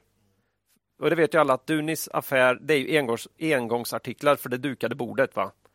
Servetter tänker man ju på, men även engångs... Eh, Bestick, stick tallrikar, och tallrikar och ljus och sånt. Mm. Ja, och här lyfter nog både jag, framförallt jag, men även affärsvärlden ett litet varningens finger för att dra ut trenden som Biopack har haft här under pandemin. No. Det här kan vara kraftigt dopat, då. men det är fortfarande ett område som, som kommer växa alldeles oavsett, tror vi. Mm. Ja, senaste rapporterna här nu då. Redan i Q4 här började problemen igen för bolaget. Mhm. Och man kunde inte kompensera för de snabbt ökade priserna på insatsvaror och energi. Rörelsemarginalen sjönk tillbaka till pandeminivån, 3,3 procent. Oh. Men också otäckt nog var ju omsättningen bara i linje med Q4 2019. Lite kurskollaps där då? Ja, eller? lite, ja, lite tapp i biopack om man tittar, Mm, tror jag det var. Men jag är lite osäker. Det, jag tycker den är svår att förklara. Skulle kunna vara förskjutningar över kvartal, lageruppbyggnader, det kan vara sådana grejer också. ja, ja. Eh, För nu i Q1 var omsättningsökningen tillbaka. Med en rejäl ökning mot både 2020 och eh, 2021. Mhm. Eh, Men bolaget lider nu då, eh, så vi kan läsa i Affärsvärldens analys av rejäla kostnadsökningar på insatsvaror som de inte har lyckats flytta över till kunderna ändå. Nej. Eh, och eh, rörelsemarginalen kom in på beskedliga eh, 2,4 procent. Ren, eh, rensat för engångskostnader för man lämnar Ryssland här, Ja, vilket är ju rimligt agerande. Mm. Eh, och sen är det ju även så att tillverkningen av den här biopacken, den är utlagd på kontrakt i bland annat Kina. Det har inte varit helt enkelt här, eh, både transportproblematik och covid-nedstängningar igen. Så att det gäller ju att hålla koll på hur biopack utvecklas efter pandemidopingen. Eh, man har sina två största geografier, 20 procent vardera i Tyskland och Australien.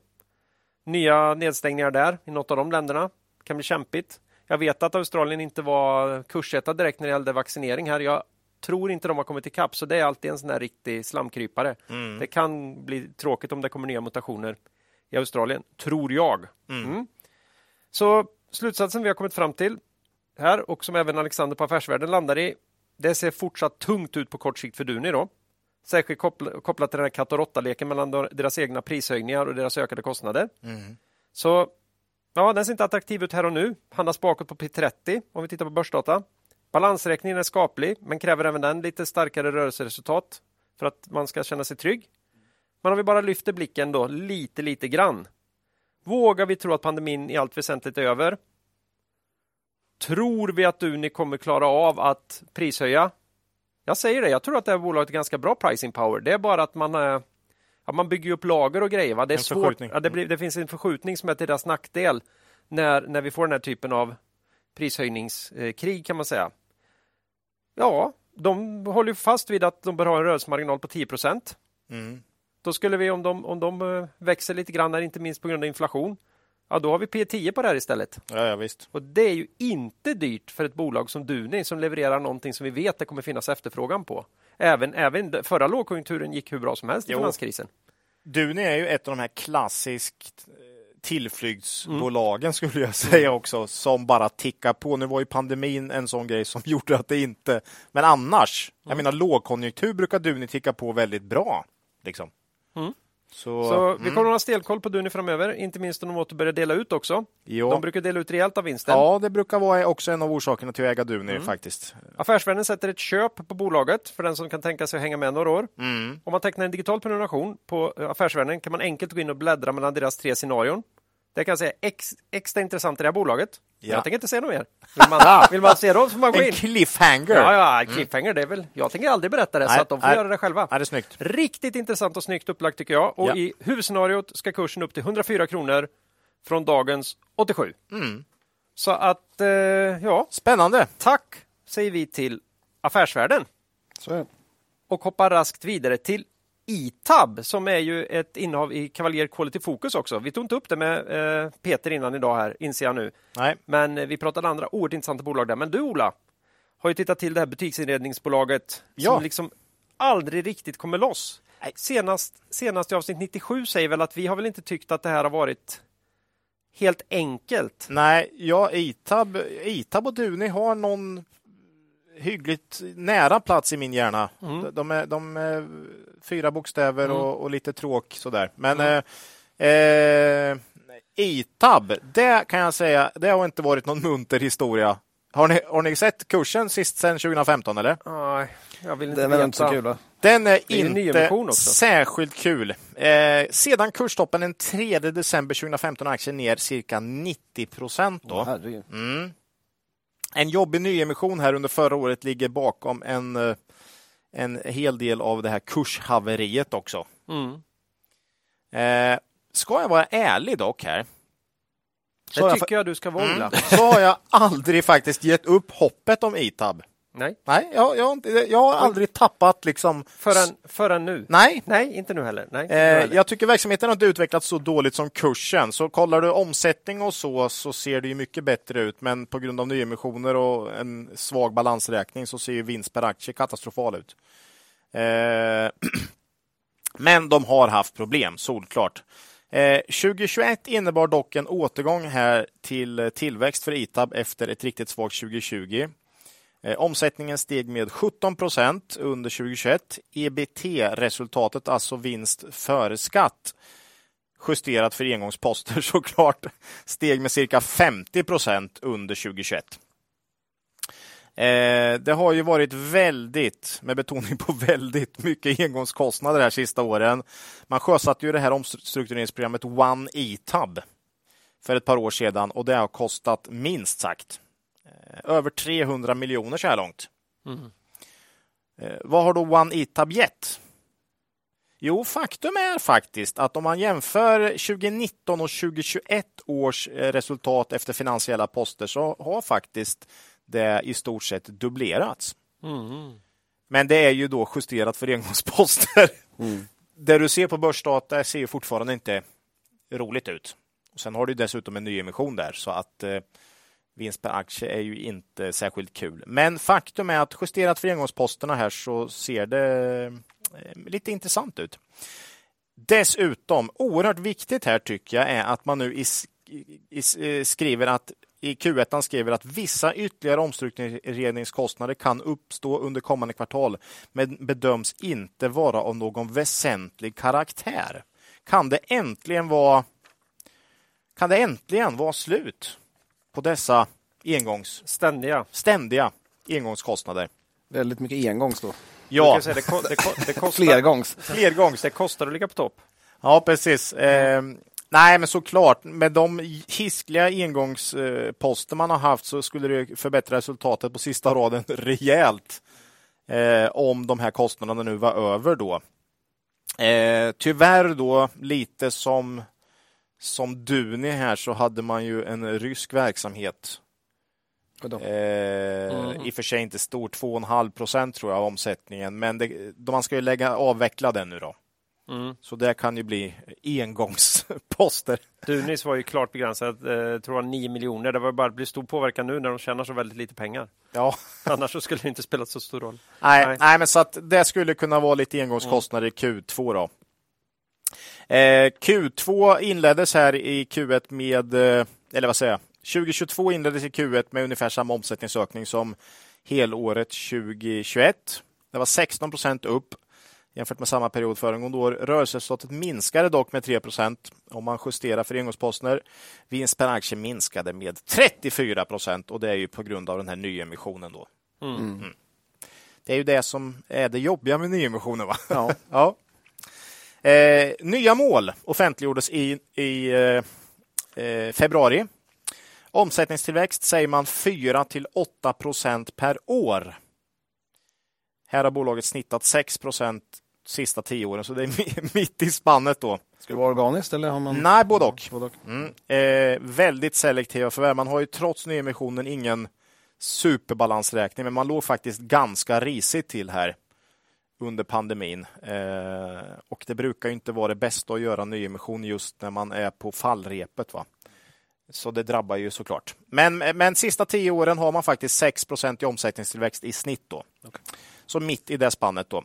Ebit-marginal 7 till 9. Det var under 2021 3,6. Men justerat för engångsposter var det 6,2. Eh, Men ja, det är klart, når man upp dit och inte några engångsposter så blir det ju väldigt intressant. Eh, här har Erik Pense gjort prognos och eh, de kommer fram till en vinst per aktie på 1,30 justerad för engångsposter. Eh, tycker jag låter rimligt. Eh, Iltab har en del skulder trots den här nyemissionen. EV-ebit på Pensers prognos för i år landar på cirka 10. Eh, jag har nog faktiskt noterat lite inköp, insynsköp i Itab här under våren och det har liksom inte varit så ofta det har hänt. Det var åtminstone något år senast.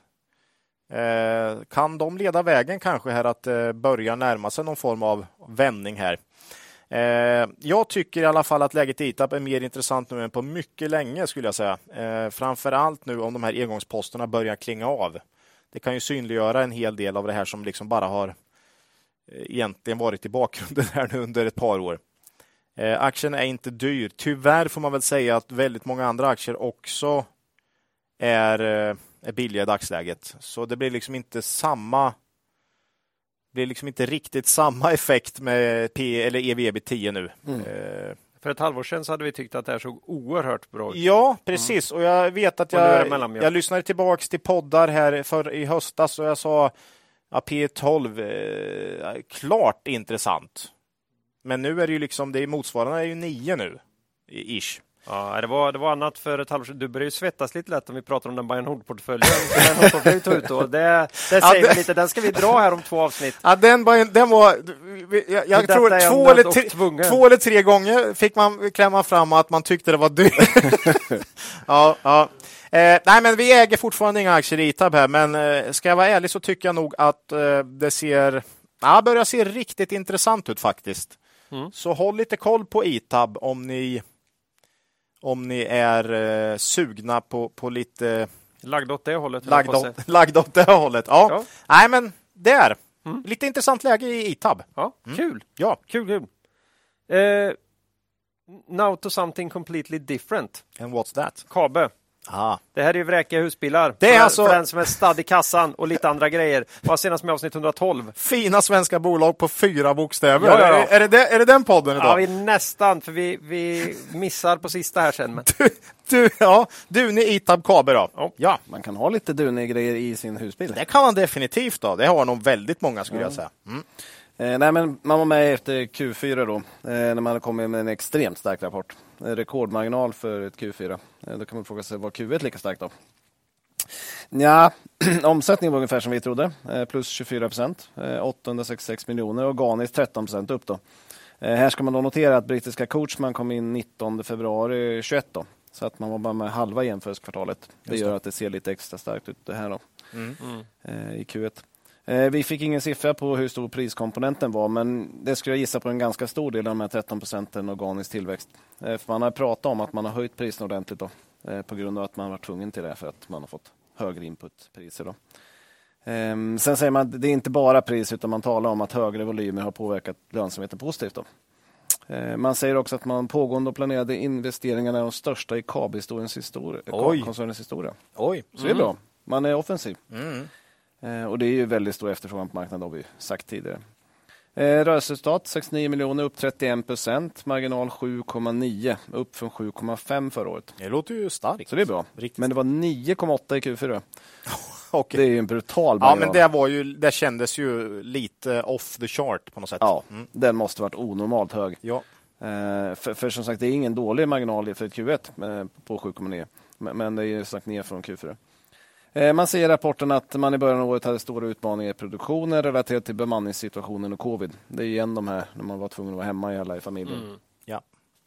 Eh, man ser också att hus, eh, eller försäljningen begränsas av komponentbrister, som många andra. Sen är det lite intressant då, så många tillverkare i branschen bygger husbilar på Fiat-chassin. Ja, det visste jag. Ja, och Fiat har ju haft jätteproblem med tillverkningen då. Med, med, och det har ju drabbat Adria då, bland annat som Kabe återförsäljare för. Men Kabe bygger på Mercedes-chassin till stor del. Och då kan man tänka sig att de har gynnats lite grann i förhållande till konkurrenterna då, när de har haft lättare att, att leverera. Då. Eh, får man hålla lite koll på. Eh, man brukar i rapporterna rapportera marknadsandelar för Kabe och Adria i Sverige rörande husbilar och husvagnar. Eh, men den tog man bort informationen i Q1. Vad brukar vi tycka om när man tar bort information? brukar vara sån illavarslande tecken. Ja, vi gillar oftast inte det. För det brukar, man brukar aldrig ta bort information när den går Det brukar inte vara så. Det är liksom när H&M ändrar redovisningsstruktur. Bara, va? Och sen försvinner någon eh, väldigt väsentlig siffra. Äh, inte roligt. Det brukar inte vara bra. Nej. Eh, så då blir det lite oroligt. Så då frågar vi deras IR-person som för övrigt är ett lätt topp tre bland de vi har kontaktat. Oj, eh, grattis ja, men, säger vi. Ja, mm. Riktigt bra. Pallplats. Eh, Pallplats. Pallplats. Minst. Ja, minst. minst. Eh, nej, men eh, han, de förklarar då att eh, de tycker att den är lite missvisande för att den mäter ju registrerade, registrerade enheter och inte försäljning till handlarna. Då. Och därför så korrelerar den ganska dåligt med omsättningen.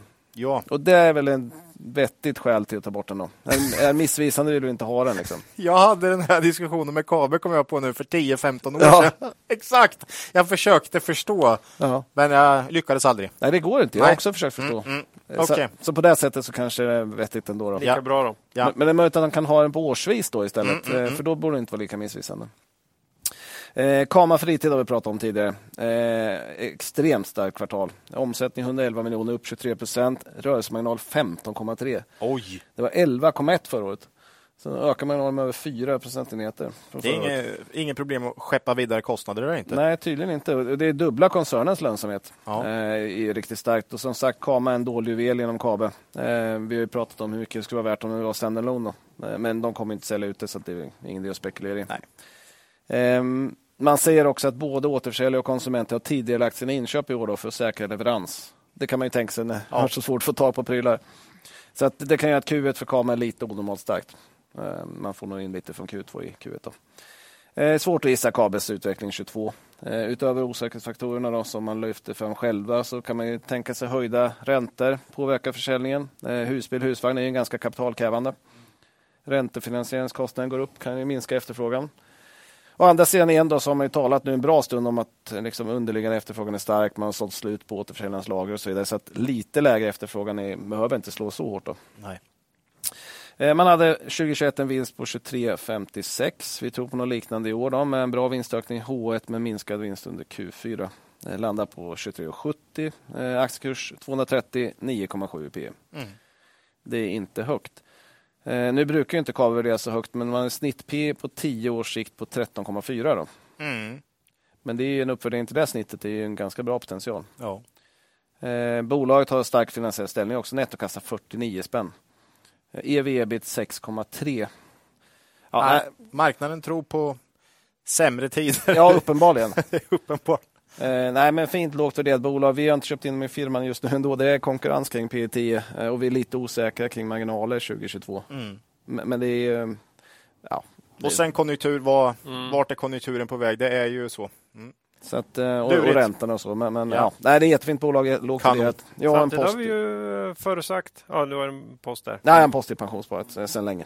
Eh, Vi har ju sagt att Kabe brukar vara väldigt duktiga på att tidigt, Ja, tidigt börja dra i, i handbromsen när mm, mm. definitivt. Eh, och här verkar de ju ändå fortsätta att gasa lite grann. Mm. Nej, det säger någonting om någonting. Det kanske blir en lite annan, this time it's different. kanske blir en lite annorlunda typ av sättning i marknaden här eller Ja. i ekonomin skulle jag säga, inte marknaden. Nej, men det, är en bra, det är en bra poäng. Eh, för det där kan man hålla lite utkik efter. för, för historiskt sett har det varit så när Kabe börjar dra ner Mm. vet man att ja, men nu kanske fler snart kommer göra det. Ja, För de brukar vara först. de brukar vara väldigt tidiga. Eller så har de pris som alla andra glömt bort. Hur hur det kan vara. med lågkonjunktur. Så Man kan det vet inte. Alltså. Man vet det, inte. Nej. det är svårt med aktier. Det var. Kabe. Ja, Trevligt, trevligt. Eh, nu är det så här, om någon av lyssnarna sparar en så här, ett, halvt, ett halvt flottigt wienerbröd från tidigare Mm. så kan det vara läge att ta fram det nu. för nu är det dags för danska kökstillverkaren TCM som var med i senaste avsnitt 105. ja precis. 24 november här. Mm. Här har vi också ett bygg, ja, bygg, byggrelaterat, inredningsrelaterat bolag som har gått väldigt svagt på börsen som, eh, som mycket annat. Då. Det här är ju helhetslösningar för kök, badrum, produkter och helhetslösningar för kök, badrum och rumsförvaring, Mm. säger de själva. Eh, för Q1 2022 redovisar man oförändrad omsättning jämfört med Q1 2021. Justerad ebit sjönk med 21 procent. Man säger att omsättningen har gynnats av prisökningar, det vill säga den oförändrade omsättningen kanske inte var i, I volym. Lite. i volym så bra. Mm. Eh, problem med supply chain gjorde dock att man inte kunde leverera på den efterfrågan som fanns i marknaden. Så man har liksom inte riktigt fått ut allt man känner att man borde kunna ha fått ut om det hade levererats som det skulle. Eh, man skriver i rapporten här då, jag kör den engelska varianten här för jag är så usel på danska. Mm. Ja, det, Det, Det tror jag alla är glada för faktiskt. Det är alla glada för. det är vi alla tacksamma för. Yeah, for, nej, nej, nej, nej, nej, det, var, det var engelska. Eh, the supply chain situation was almost back to a normal level by the end of the quarter. Okej. Mm, så det är lite intressant va? However, the unstable supply chain situation led to higher production cost and some loss of efficiency in the production process throughout the quarter. Gross margin in the quarter was negatively impacted by rising raw material prices, causing a diluting effect on the margin. Furthermore, higher energy and transportation cost impacted earnings negatively. Så att, nej, mycket av de här grejerna. Eh, Tycker man känner igen det där? Ja, Eh, insatspriserna går upp, eh, el, bla bla bla. Eh, mycket precis som det brukar vara. I, och har vi läst om sista eh, halvåret åtminstone. Men de säger faktiskt att lite supply chain problematik som har eh, gått tillbaka till nästan normal, eh, normala, normal situation mot slutet av kvartalet. Då. Eh, men det här förklarar ju då marginaltappet under kvartalet. Eh, man guidar ju för helår här då, precis som eh, A.O. Johansen då och man är precis som A.O. faktiskt försiktig i inledningen av året, men man guidar upp i H, eh, H2 här, helt tydligt. Eh, och eh, eh, här tror man ju faktiskt då på en omsättningsväxt på cirka 5% med justerad ebit, ungefär på samma nivå som 2021 då eh, för helåret. Men i och med att eh, Q1 var lite svagt så ser ju det inte helt dumt ut resten av året då. Eh, här på deras Outlook cirka P8 då. Det är inte högt. Nej, det är inte högt. Eh, direktavkastning ungefär 6 procent. Eh, så billigt. Igår såg jag faktiskt att vd hade köpt aktier här är eh, för en halv miljon danska. Bra, för de- har va- varit väldigt lågt i ägande på ledningen. Men det kan man säga, det vill vi se i många bolag när Ja. det kommer ner så pass mycket. Ja, om, man, om man då inte köper, när ska man köpa då? Precis. Nej, men TCM på den här nivån. Eh, ja, det är intressant, men som sagt, det är mycket byggrelaterat som är intressant. Och senast vi pratade TCM så ägde vi faktiskt aktier här då i höstas. Eh, vi gör inte det längre. Rent krasst kan man nog säga att TCM fick lämna portföljen här eh, ja, det, tidigare i år eh, för att det helt plötsligt dök upp så väldigt mycket alternativ och samtidigt den här 20% gränsen vi hade Svedbergs Ja, vi gick in i Svedbergs mer där. Ja, att, man vill inte ha alla ägg i samma korg och det här så att det fick bli liksom ett val. Och eh, Då var vi lite nationalistiska där.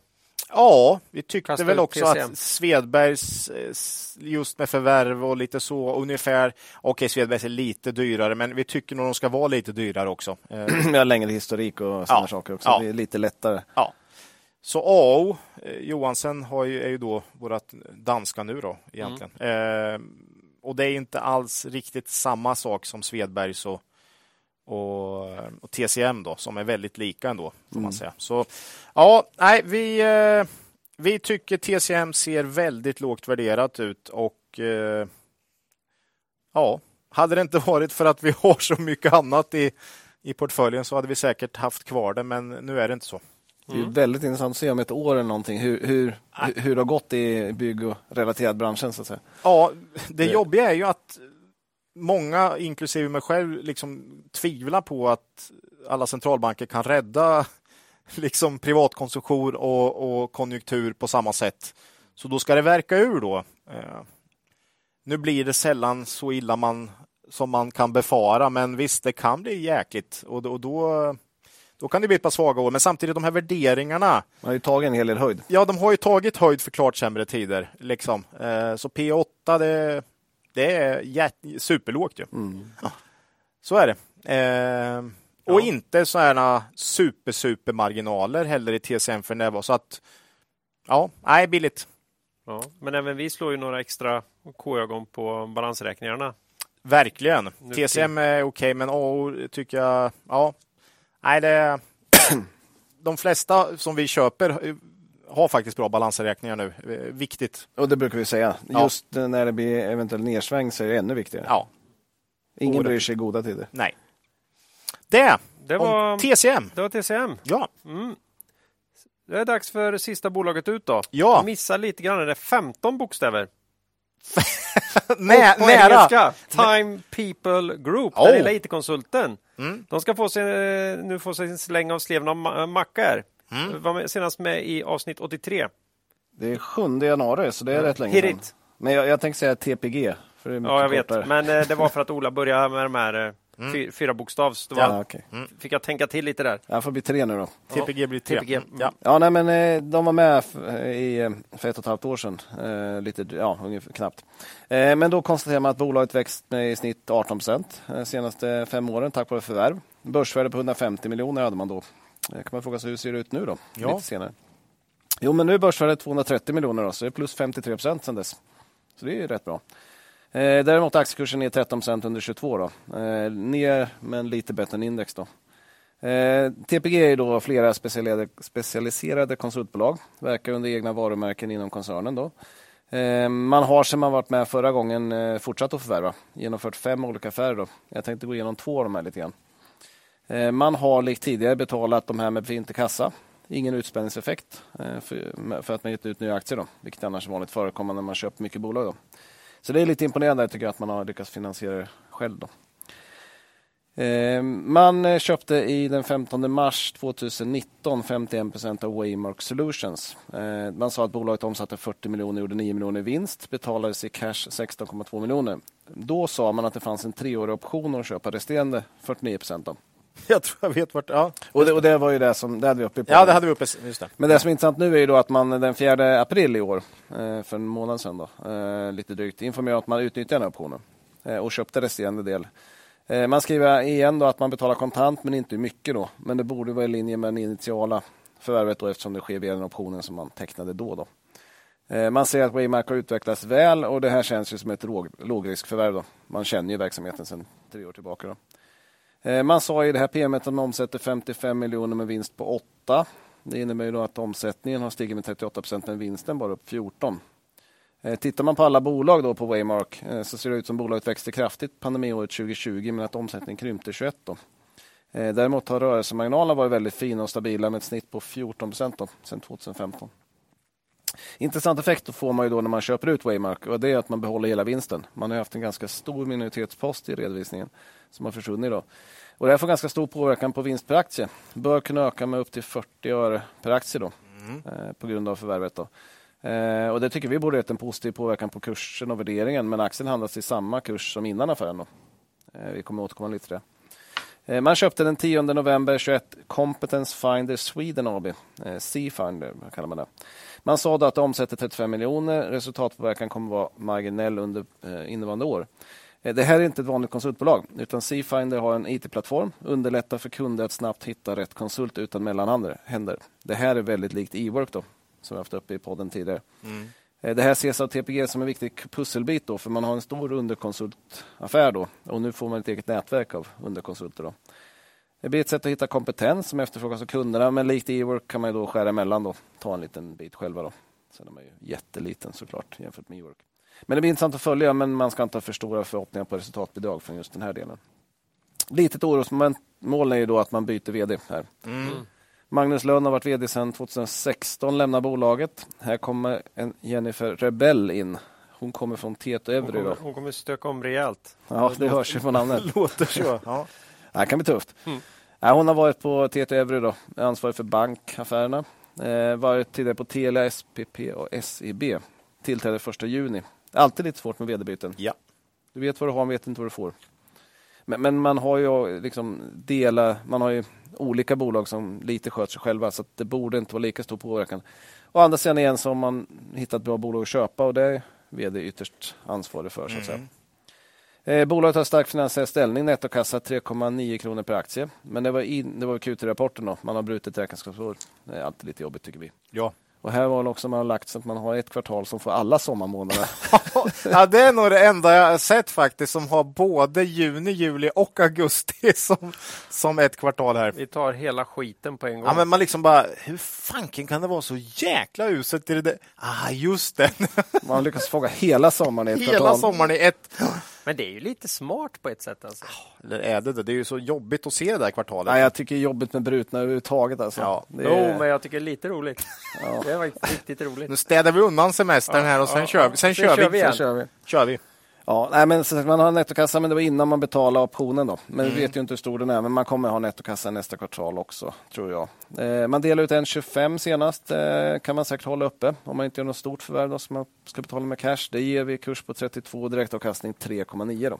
Det Bra. är ganska bra. Mm. Eh, Det ska man säga, många IT-konsulter har faktiskt ganska bra direktavkastningar. Ja, men de har ju väldigt lätt kapitallätt verksamhet. Liksom. Mm. Det behövs inte så mycket Nej, kapital. precis. Så eh, det är naturligt och det är bra. Ja, I förra podden då tog Ola upp att marginalen hade fallit de senaste åren. Eh, här finns det en, också en kraftig effekt av att man inte tillämpar IFRS. Då, så att Just man gör planenliga avskrivningar på goodwill som uppstår i förvärven. Och I och med att man har köpt fler och fler bolag så får man mer och mer avskrivningar på goodwill. Man kan diskutera om man ska justera för det här, men om man ska jämföra med andra konsulter som är på reglerad marknad och tillämpar IFRS så måste man ju nästan justera. Annars blir det en väldigt, lite äpplen päron. jag tycker ju det. Det är Ja. väldigt svårt att jämföra med Softronic och, och andra annars. Ja, hamnar, ja, vi tycker man kan hamna lite snett. Ja, Men rörelsemarginal inklusive goodwill-avskrivningar då har snitt varit 7,2 procent men justerat för goodwill så är det istället 8,6. Ja. Så det är ju klart högre. Mm. Eh, Och tre första kvartalen, eh, det här räkenskapsåret då utan goodwill-avskrivningar så är det 10,2. ja, men det är ju bra. Det är ju där de ska ligga, de bra konsulterna. Ja, Mm. och nu är man uppe där. Eh, Och hur, hur ser värderingen ut då? ja den är intressant. Ja, men vi tycker om man justerar för goodwill då. Ja. Eh, och sen eh, så ska man ju ha med sig då att de här stora avdraget för minoritetsandelar i Waymark försvinner nästa år. Skissar vi på vinst per aktie på 3,80. Det ger med nuvarande kurs P 8,4. Ja. Det är inte högt för ett konsultbolag med bra Nej, det är ju som, eh, det är ju som eh, konsulterna värderades för tio år sedan. Eh, De, billiga, de billigaste. Ja. Herregud. Men, men vi, eh, nej men ja, det, det finns osäkerhet i alla prognoser. Ja. Och, det kan ju inte vi veta exakt hur det här kommer gå. Men, men sagt, Waymark-förvärvet gör för skillnad på vinst per aktie och justerar man för goodwill så, så ja, det blir låg värdering. Ja. Eh, här är lite speciellt då, för det är, funnits, det, är, det är en aktie med väldigt tunn likviditet. Väldigt. Men, men det har funnits en jättestor säljare i marknaden som har sålt via Pareto då, som har pressat tillbaka kursen eh, efter att det förvärvet presenterades. Eh, Det har inte skett några insynsrapporteringar så det är inte de största ägarna och det är inte vdn som har sålt. Då.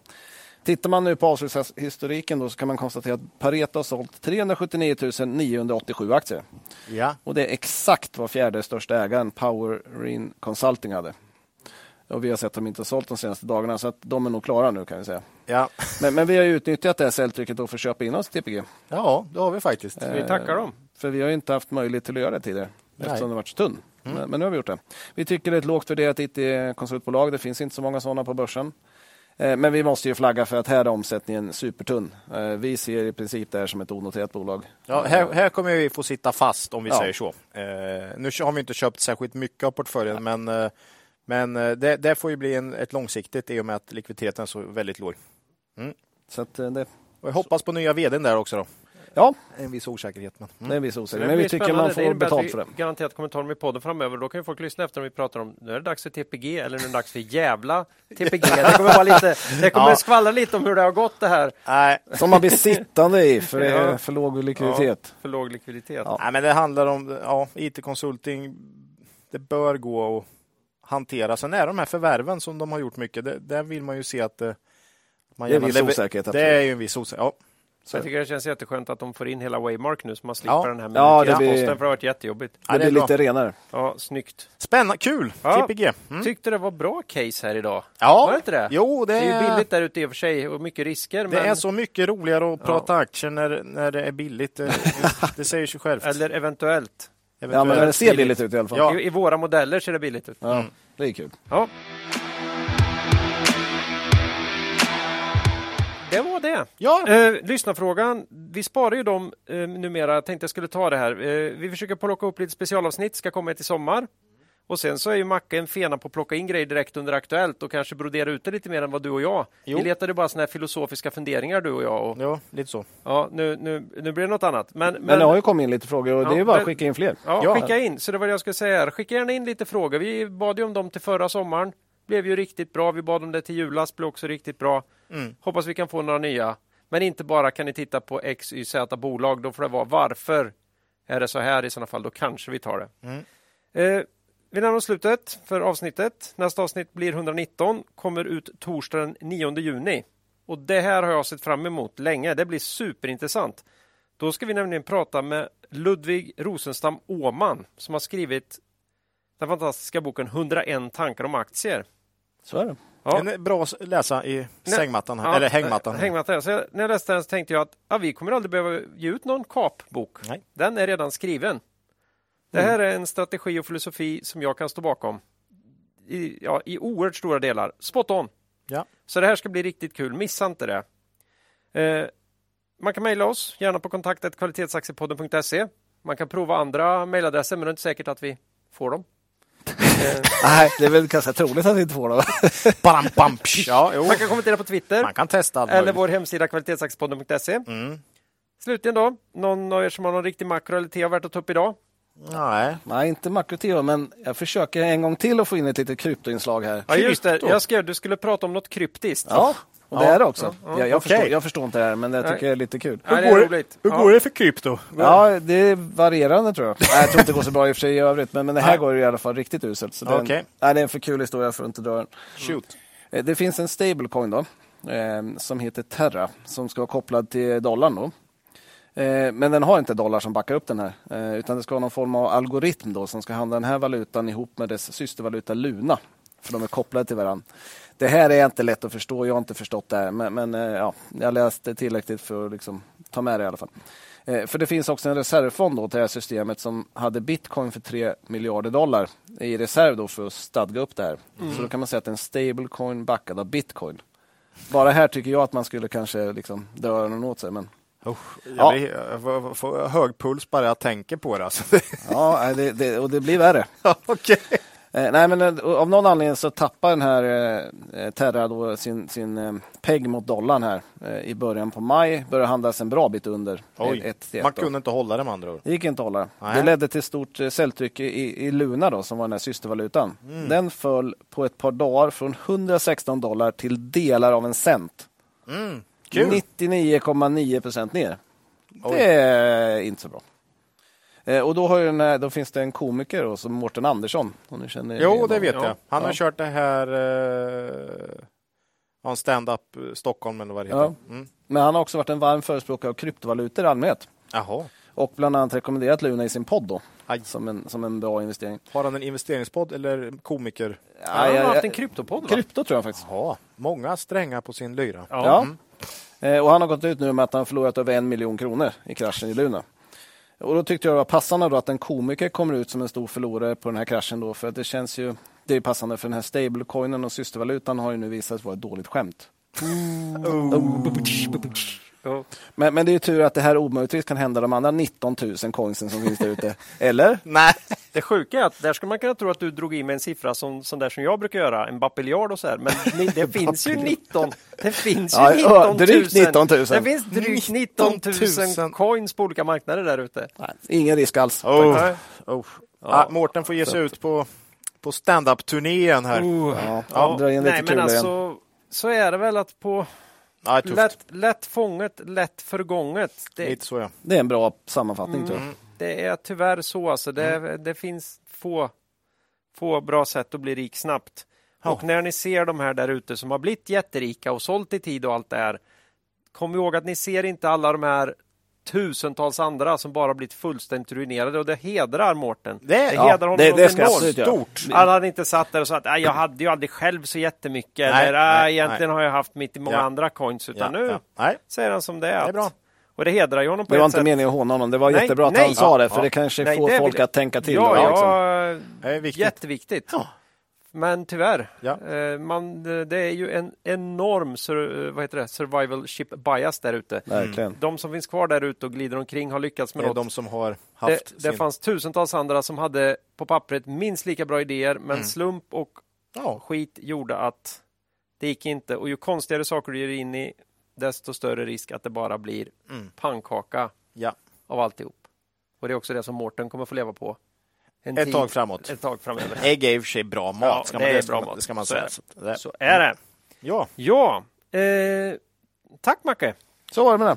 Oj, eh, nu är- eg- egna innehav då? Fanken, nu har jag glömt igen här. Men bröderna A och Johansen äger vi ju då. Mm. Catella och TPG har vi i firman. Ja, Ja, det är väl det då. ja, det var det faktiskt. Ja. Det var det, var inte så konstigt. Nej. Nej. Så innan vi skiljs åt vill vi eh, påminna om de fina möjligheterna som finns att månadsspara i Cavaliers fonder. Det kan man enkelt göra bland annat via Nordnet och Avanza. Och där har man en pensionsspar eller ska man hoppa på Saver. Och då ska man komma ihåg att historisk avkastning i fonder inte behöver vara en indikator på framtida avkastning och att ni kan förlora delar av ert satsade kapital då fonder kan både gå upp och ner i värde. När man lyssnar på den här podden och undrar mer om vår eh, investeringsfilosofi så här i orostider så går vi igenom det ordentligt i avsnitt 108. Så är det. Så är det. Eh, affärsvärldens fina erbjudande. Det hittar man på en länk till i avsnittsbeskrivningen. Och med det här så vill vi tacka alla lyssnare för visat intresse och ber er som vanligt komplettera med följande visdomsord. Det är först när tidvattnet drar sig tillbaka som du får se vem som badat naken. Lose money for the firm and I will be understanding. Lose a shred of reputation for the firm and I will be ruthless. I welcome your questions.